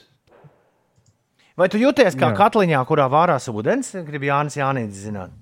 Apmēram, jā, jā, diezgan precīzs raksturojums. Tā varētu būt. Un bija vēl daži peldētāji Mangaļas salā, bet bija arī pāris ģimenes, kas ieradās pie jūras vienlaicīgi ar mani un bez lietas sargiem. Un, un, nu, jā, tie cilvēki stāvvietā pēc tam neizskatījās ļoti laimīgi. Bet, ja tev ir līdzi, nu, īstenībā varēja pat lietu sargu neņemt, vajadzēja vienkārši iet pelbiksēs jau no mašīnas, un tad vispār nebūtu bijušas nekādas problēmas. Vienīgi, ku- kuras liktu telefonu, lai nofilmētu to visu Instagram, jo, protams, ka vajadzēja ielikt Instagram stāstījumus. Tā būtu. Tad tev vajag to kaklā karamo ūdens izturīgo laivošanas telefonu somiņu. E, Jā, vienīgais man bija, man radās jautājums, jo Instagramā arī var redzēt, es patiešām vienu brīdi rīktīgi sabijos, jo viens mauciens pērkona dārts bija nu, ļoti tuvu. Zibeni neredzēju, bet nu, gan jau bija arī tas. Un es esmu jau ik pa laikam, pa, vairākas reizes mūžā bijis situācijā, kad, kad gadījies iet peldēt forši tā lietu. Vai tas nav bīstami? Nu, tagad es sāku atcerēties, bija jārauj stepseļā ārā. Tad man liekas, ka tas arī bija bīstami bērnībā. Nu, es domāju, ka zibens nu, kaut kā nav dzirdēts, ka zibens iespēja, nu, jo zibens spēr jūrā, bet, bet ka zibens iespētu. Peldētājiem. Jā, Jā, arī negribētu, lai man- Es gan esmu redzējis, ka vairs- varbūt fotografijas vai stāstus dzirdējusi par to, ka nu, ir trāpīts cilvēkam, bet tur varbūt ir bijusi pie vainas tā ķēdīte, kas ir ap kaklu. Ah, bet, eh, jā, šo stāstu es gribēju atkal melniem humoram pievērsties un teikt, ka šo stāstu sulu neesmu dzirdējis, jo neviens eh, no tiem, kuriem iespēja, vairs tos nevarēja pastāstīt. nu, parasti jau kaut kādi radi paliek. Un, nu, Nekas traks, ja iespējas zibens, tu kļūsi par ekstrasensu. Raksta Jānis Jānītis. ā, jā, un var kustināt priekšmetus ar rokām pa gabalu. Ja? Gunčā raksta, kāds iesēžas airu laivā, kāds izkāpj no airu laivas.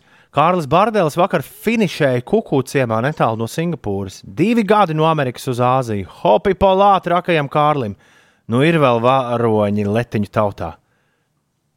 Guncija, es tiešām uzlikšu kādu jūras dziesmu jau pavisam drīz. Es, Iedomājieties, es neticu, ka forši ir Kārlis. pavadījis divus gadus. Mm. Es neticu, ka Kārlis Viņš- kaut viņu kad vispār finišēs. Covid-19 neietekmē. Viņš- Viņam viņš nu, ir nospļauties par to, kas apkārt notiek. Viņš aizlaida prom uzreiz pēc mūsu naktas dod pieci, ja nemaldos. Tas, tas, Viņš bija, tas brauca bija uz riktīgi, tas bija Rio. riktīgi sen. Viņš brauca uz Rio Olimpiskajām spēlēm, kas bija 16. gadā. Jā. Tās Nu Jā, viņš uz tām Viņš tā nokavēja. kā netrāpīja. Jā, un man šķiet, ka pēc tam viņš laikam atgriezās, vai Tad arī. Jo man, Tad, tad man liekas, viņš viesojās pie mums, un tad pēc tam viņš kāpa šajā braucienā. Bet varbūt arī Jā. Es esmu sajaucis. bet man liekas, ka Kārlis nav no tiem, kas finišē. Viņš, viņam jau droši vien ir nākamais maršruts plānā. Man kaut ko viņš stāstīja par šo laiku, ka, viņi, nu, ka viņš nevar pi- pietavoties ostās nu, tieši Covid dēļ. Nu, jā, tur uzreiz mediķi klāt. Tuvīgs, tuvīgs, tuvīgs. Kam? You, you will need tuvīgs. Uz Dagla ielas starp Sahārova un Ulbrukas ielām nestrādā gājēju luksafors. Vispār luksafors šur tur ir beigušies, un šur tur beigusies ir arī elektrība. Uh, Vecumnieku novads. Vecumnieku novads viss ir blackoutā. Ūdens arī nav. Jābrauc uz darbu, mazgāt seju. Tā mums raksta kāds no klausītājiem. Uh, Dzintaram, kurš nav, nē, tas, kurš nav dzintars, viņš raksta, man nesen bija pirmās palīdzības kursi. Klājā ūdenī liela iespēja, ka iespēr. Nāvējoši tas nav, bet droši vien jautri ir. Esmu ceļā uz Rīgu, bet mazais Jančuks brauc tētim līdzi uz darbu. Droši vien joprojām ir dusmīgs. Piecīši uzmundriniet Jāni un tēti Artūru, raksta Žuka. Uldi, Jāni un tēti Artūru, tev ir jāuzmundrina. Tu to māki, aiziet. Jāni, tēti, Artur, ne, Jāni un tēti, Artur. Šodien būs lieliska diena. Lietus nomazgās visas rūpes jūsu dzīvē, lietus noskalos visus dubļus, kas būs tu- bijuši citādi jūsu ceļā. Visas smiltis būs tikai uh, nu, mazliet slapjš, nevis savs, bet, bet tīrs un galvenais uh, viegli ejams asfalts un flīzes un bruģis, un jūs varēsiet iet augstu pacelt galvu, neraizējoties par to, ka varētu kaut kur nu, sabērcēt apaus, un sasmērēt. Samērcēt gan sanāks, jo lietas tā, jā. Lieciet tālāk, galvenais, ka mašīna nomazgās. lieciet tālāk tikai nedaudz izdomas, un visa dzīve, visa šī diena, ik viens cilvēks, ko jūs satiksiet, ik viena vieta, kur jūs būsiet, izskatīsies vien kā tāds cirks. Ui,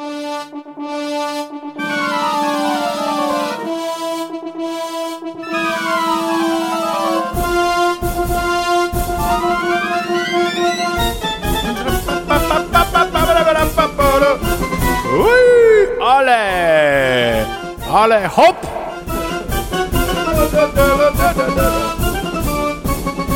Sanāk, sanāk! Zobenu rīēja Inesē! Un čūsku pavēlnieks Ziediņš! Tikai un vienīgi vienā izrādē. Ko, ko, ko lūdzu? Es ar vienu ritenīti labāk braucu. Okay. Nezinu, nemāku. Sieviete uz viena riteņa! Kur tas redzēts?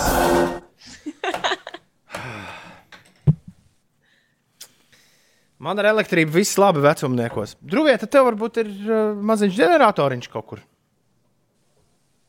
Pats nemaz nezinu, ka ir tāds. Ah, labrīt, otrdienā. Jūnijas numur 30. Mēs atvadāmies no 2020. gada pirmās puses šajā rītā. Rīt sāksim dzīvi jau otrajā pusē. Vietām Latvijā zemnieki vēl turpina vākt vasaras rapsi, arī kukurūzu, kuras laža, raža ir laba, līdz ar to lobarības ziemā pietikšot. Cēlies augšā! Tas Rīga Latvijā! Šeit piecēlē! Amilau! Radio, kas sveic, sveic ļaudis, kuriem svētki. Nu, tā mēs to darām. Jā. Parasti tā ir viena no rīta neatņemamām sastāvdaļām. Šodien Marekam un Tālivaldim ir vārda diena. Čau, Marek, čau, Tālivaldi! Latviešu jurists, politologs un Latvijas valsts prezidents Egils Levits svin dzimšanas dienu.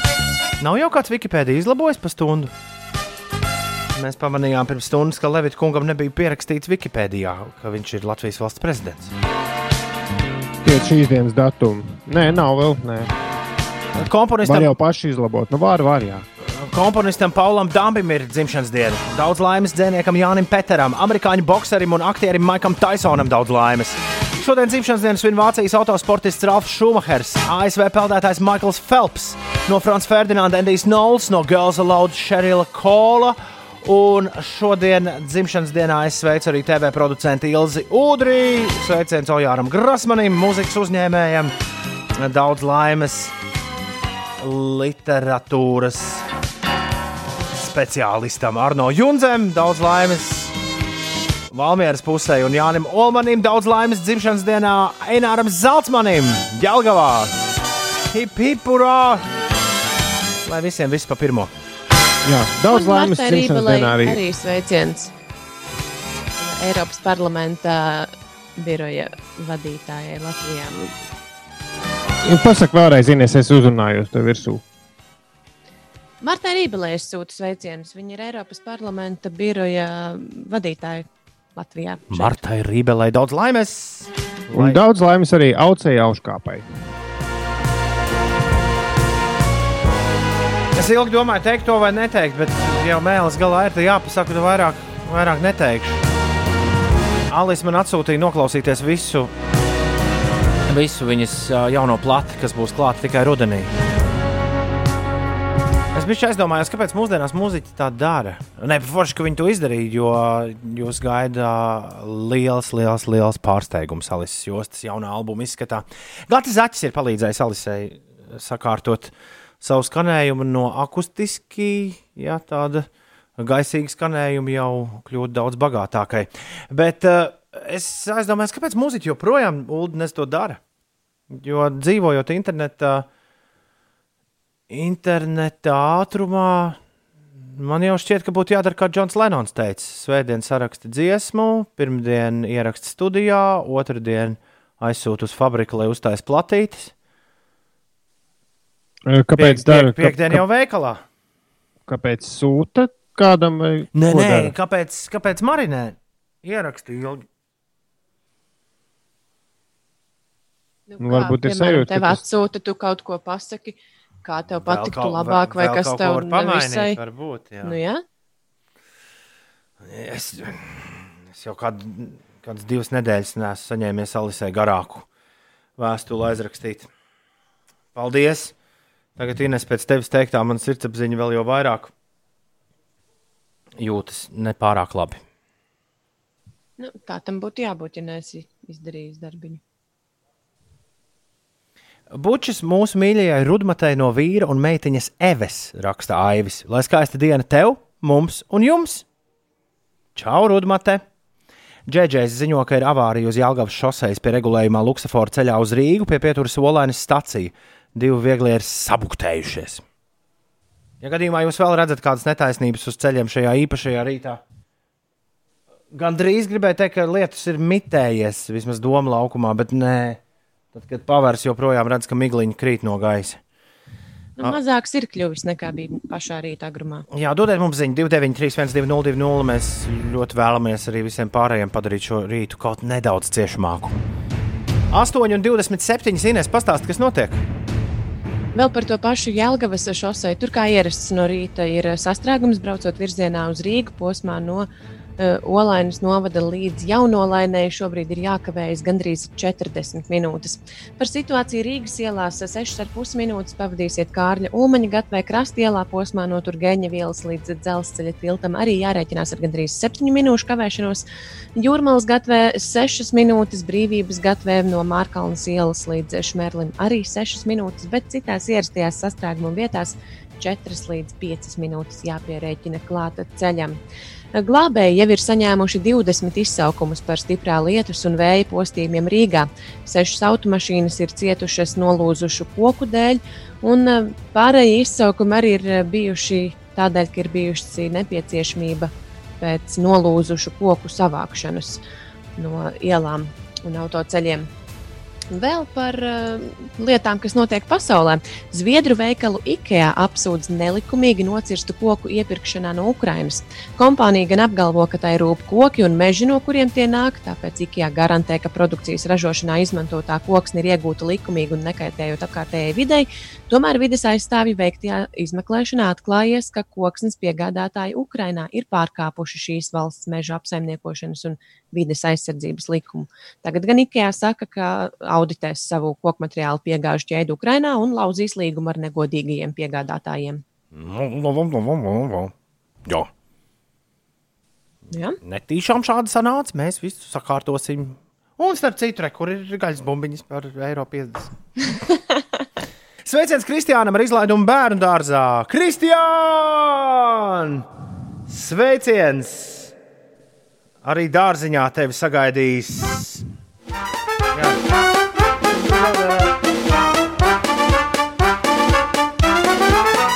Viss kaut kas šāds. Un skolā arī, vai ne?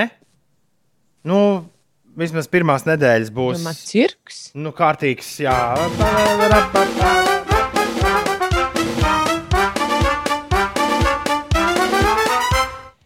Vienības gatavē pret eh, bērnu slimnīcu. Jā, tā kā pretī bērnu slimnīcai. Normāls baseins, kurā peld mašīnu rezerves daļas. Ui.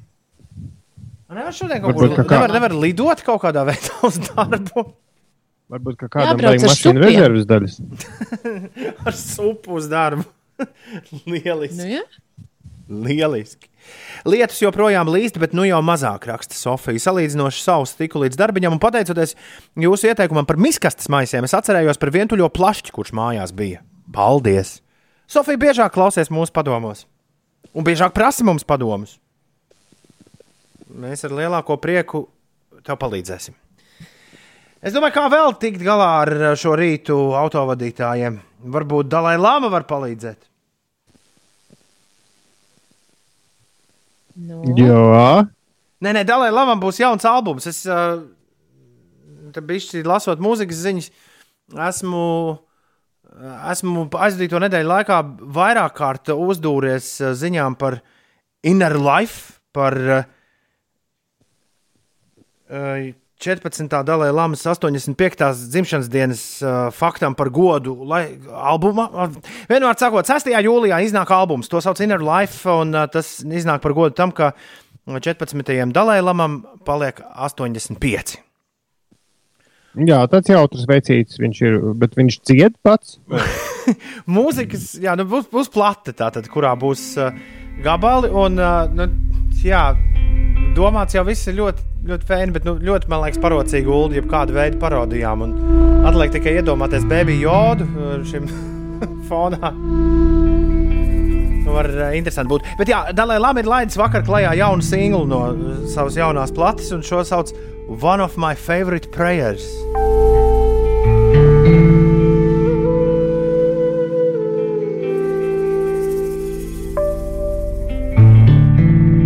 Viņš One of my favorite prayer. Daily, I repeat this. I think sometimes I think hundred times, different occasion or different time, like that. Tas ir, nu, ja tev ir nepieciešams miers, pēkšņi ulu. Jā. Kurš iespējams tev tieši tagad ir nepieciešams, ņemot vērā, ka tu droši vien ļoti darbīgi ņem un uh, gatavo interesantas ziņas. Nē, es vairs to nedaru, jo nav īsti. Tad rekur tev pišķiņa miers no Dalai Lamas. For as long as space endures, Bet ir ļoti grūti. Man liekas, Bobu Dilanu ir vieglāk saprast Bobu Dilanu angļu valodu nekā Dalai Lamas angļu valodu. may I too abide to despair in misery of the world. Bet šādi izklausās Dalai Lamas mūzika, kuras spītīgi ārzemju presa sauc par jaunāko singlu. Jā, tā ir lūkšana, tā kā tu teici. Nu, Mācība, es tā drīzāk, teaching, es tā drīzāk to teiktu. Tā nav lūkšana, mm, kā kristīgā ja tu saprot albumu lūkšanu. kaut kā sauc tā, prayers kaut kā. Nē, nē, dziesma ir Inner World. Sauc albumu, un One of My Favorite Prayers ir singls. Ah, nu, jā. Paskatos pa logu līst, pēc tam padomāju, varbūt labāk nelīst un palikt mājās. Prātnieks tā raksta. Višķos vasarīgas lietas, viss ok, plūdu nav, raksta Sandis. Un Dānis saka, cirku meldiņu ieviesiet ikdienā. Skan dikti labi un drīz, dru, drusku uzjautrina nu dienu. Vai? Taču galīgi nav grūti. Vienīgi Ulas reizes strādāja cirkā. Mēs neesam par šo daudz runājuši septiņu gadu laikā šajā raidījumā, bet es pieļauju, ka no šitā Ulim pumpas met. Nē, tādus ne, nespēlē. Tagad man liekas, atstāja klausītājiem mīklu, ko tad Uldis darīja cirkā. Uz šo jautājumu mēs atbildēsim iespējams uzreiz pēc interbusuļa.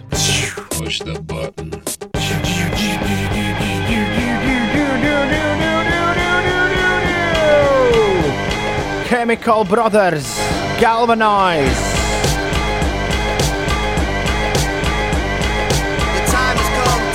Aizvadītajā nedēļas nogalē Glastonberijai bija jānotiek. Nekāda Glastonberija nebija. Bet uh, BBC pārraidīja ļoti, ļoti daudz koncertu ierakstus. Un, ja pie tā video satura īsti Latvijā nav legāli iespējams tikt, tad es eh, dabūju foršu uh, lietotni ULD telefonā, kuru sauc eh, BBC Radio Player. Man liekas, tieši tā viņu sauc. Uh, nu, lūk, jā, BBC iPlayer Radio. Un tur ir viss kaut kas foršs no Glastonburgas arhīviem. Klausāms, to var dārzā uzlikt vienkārši atpūšoties. Ir vesels Chemical Brothers koncerts, ir arī DXX uzstāšanās, kuras mēs klausījāmies nedaudz iepriekš. Tā kā foršs saturs no Britu sabiedriskā mēdīja. 8,45. Labrīt! Arnis stāv iepratīm Latvijas Nacionālajai Bibliotēkai un domā, lai cik stiprs būtu lietus, tāpat tā noklāta ar putekļiem. Žēl. Un tad, uh, jā, trīs mūsu klausītāji, ne, divi mūsu klausītāji, pilnīgi jau stādījās priekšā, kā ULDS lec ar uguns riņķiem un žonglē uz virves desmit metru augstumā. Bet uh, prātnieks izsaka minējumu, ka tu noteikti ULD redzēji klaunus bez grīma, un tagad tā ir tev trauma uz mūžu. Nē, tā nav gan trauma. Tev ir vispār ir kāda trauma no cirka? Man vispār nav nekāda trauma. O, lieliski! Turpmāk par traumām ar tevi nerunāsim. Izņemot to krabi no viņas, ko es bērnībā pagājušajā gadā riebis kopš tā laika. Nekas baigi īpaši Tāpat tas ir nav. ar konservētiem zirnīšiem. īpašs tas nav. Tos arī varētu izslēgt jā, no pasaules, izdzēst ārā. Pilnīgi pievienojos Inesai. Astiem ir jālasa ārā no Rosola. 8,46. Ines stāsta labāk, nevis ko tu lasi no Ro- Rasola ārā, bet kas notiek? Veselības ministrija rosinās valdību turpmāk vairs nenoteikt kā obligātu prasību Covid-19 izplatības dēļ sabiedriskajā transportā lietot mutes un deguna aizsegus. Tā šorīt intervijā TV3 sacīja veselības ministre Ilza Viņķela. Tāpat ministrija rosinās pulcēšanās ierobežojumus ārtelpās mīkstināt straujāk nekā tika paredzēts iepriekš, ļaujot jau no 1. augusta ārtelpu pasākumos pulcēties līdz pat 3000 cilvēku. Tā klāstīja ministre. Par situāciju šobrīd Rīgas ielās Baltika Maps ziņo, ka struktūra ielā jākavējas ir 8 minūtes, buļļu ielā pavadīsiet 7. ļoti līdzīga situācija arī Kārļa Ulmaņa gatvē. Daugaugrības ielā jārēķinās ar teju 6 minūtēm, un tāpat arī brīvības gatavē posmā no Mārkalnas ielas līdz Šmerlim. Citās ierastajās sastrēgumu vietās 4 līdz 6 minūtes jāpierēķina klāt ceļam. Jelgavas šosei posmā no Dalbas līdz Jaunolainai aizvien sastrēgusi uz pusstundu un par laikapstākļiem. Latvijā šodien mākoņains laiks brīžiem debesis skaidrosies, bet intensīvā līšana pamazām mitēsies tikai pēcpusdienā. 8,47. lietus, sarks un mētelis, miskasts maiss un, un vēl kaut kas varbūt tavs draugs šajā dienā. Kad es saku visas, jūs sakat taisnības, visas taisnības, visas taisnības. Kad es saku visas, jūs sakat taisnības, visas taisnības, visas taisnības. Kad es saku visas, jūs sakat taisnības, visas taisnības, visas taisnības. Kad es saku visas, jūs sakat taisnības, visas, visas, visas taisnības. Edvards, visas taisnības bez desmit deviņos. Draugi, nevajag strauji bremzēt pirms peļķēm, raksta Zlois. Tas ūdens vien ir. Sadauzītais dibens sāpēs vairāk. Un uh, vēl Zlois ziņo, ka Maskavas ielā pie Akropolis kreisajā joslā ir avārija. Auč! Ui, ai, ai, ai, ai, ai, ai, ai, ai, ai, ai, ai, ai. Interesantās ziņas!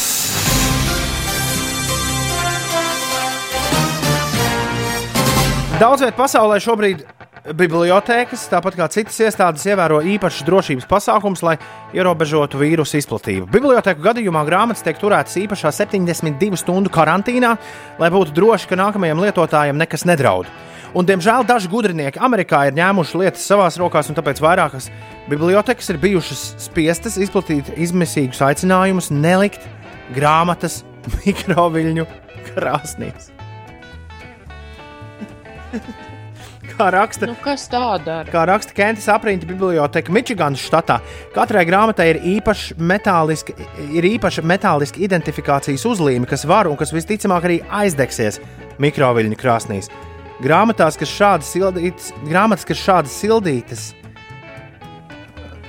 grāmatās, kas šādas sildītas, var sadegt vairākas lapas puses, bet var izraisīties arī nopietns ugunsgrēks. Biblioteka pārstāvis stāsta, ka pagaidām nav tikuši skaidrībā ar to, kāpēc šī mode sākusies. Varbūt par to kāds izteicies ziņās vai sociālajos tīklos, bet skaidrs, ka daži domā, ka šādi grāmatas tiks attīrītas no vīrusiem. Bibliotēkas atgādina, ka visas grāmatas pie lasītājiem nonāk drošas un nav vajadzība tās vēlreiz dezinficēt. Īpašā veidā, kas var, protams, izraisīt ugunsgrēku. Bet, zinām, viņi visu liek mikroviļņu krāsnī. Sadarām, ka viņi že- zeķis arī žāvē. tur. Var izžāvēt. Visu šo rītu, nu, jā, nu nē, bet eh, kādu stundu mums seko, mums seko cirkus melodija. Un re, kur beidzot cirks arī klāt.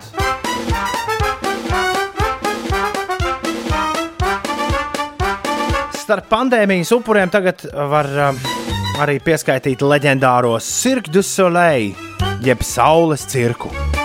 Milzu uzņēmumu, kuram bez sešiem šoviem Lasvegasā ir arī desmit pa pasauli ceļojošas izrādes, gan cirks, gan citi šovi, ieskaitot Michael Jackson One un The Beatles Love. Un man šķiet, ka vēl pagājušajā gadā tak, uh, cirks viesojās arī mūsu mājās.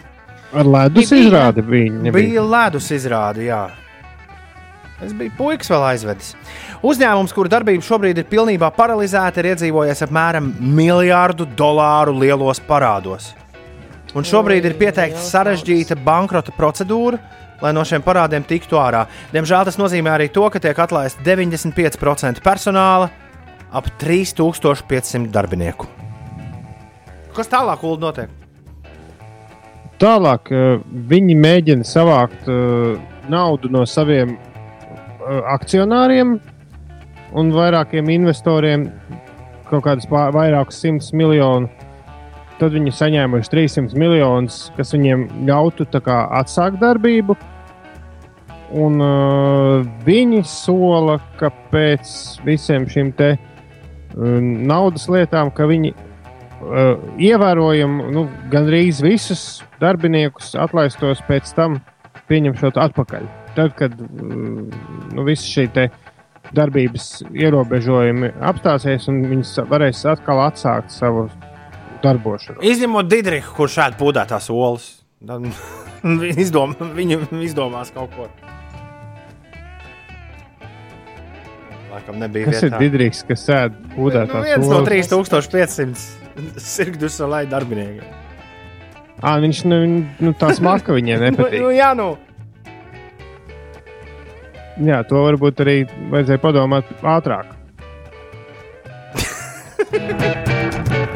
Kas tad tik man- apēdīs visas pūdētās olas? Nu, Digriks, bet nevairs kā sirgdu salai dar, darbinieks. Bet tas bija viņam tāds šausmas, nu, tā olēšana. Joks, nu. Nu, nē, nē, es vienkārši par to, ka nu, lielāko daļu paņems atpakaļ. Pēc. tam. Nu, jā.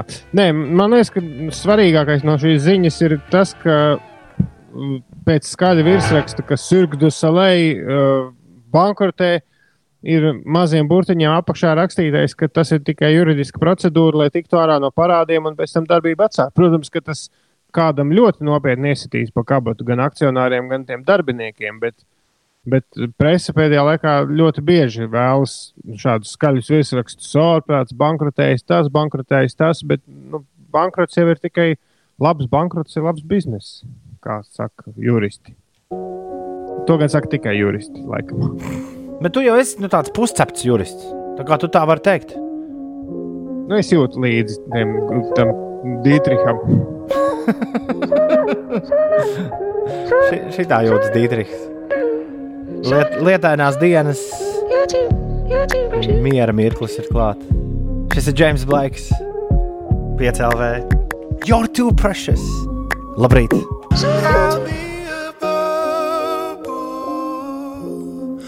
I'll make myself useful. I'll be a bubble. Varu derēt, ka kādi pāris bariņi Salatsgrīvas zvejnieku parkā pēc pusmēneša uzrādīsies sestdienas vakarā ar tumbiņām atskaņojot šo lielā skaļumā. Atskaņojot to, kas iet secen. James Blakes, You're too precious!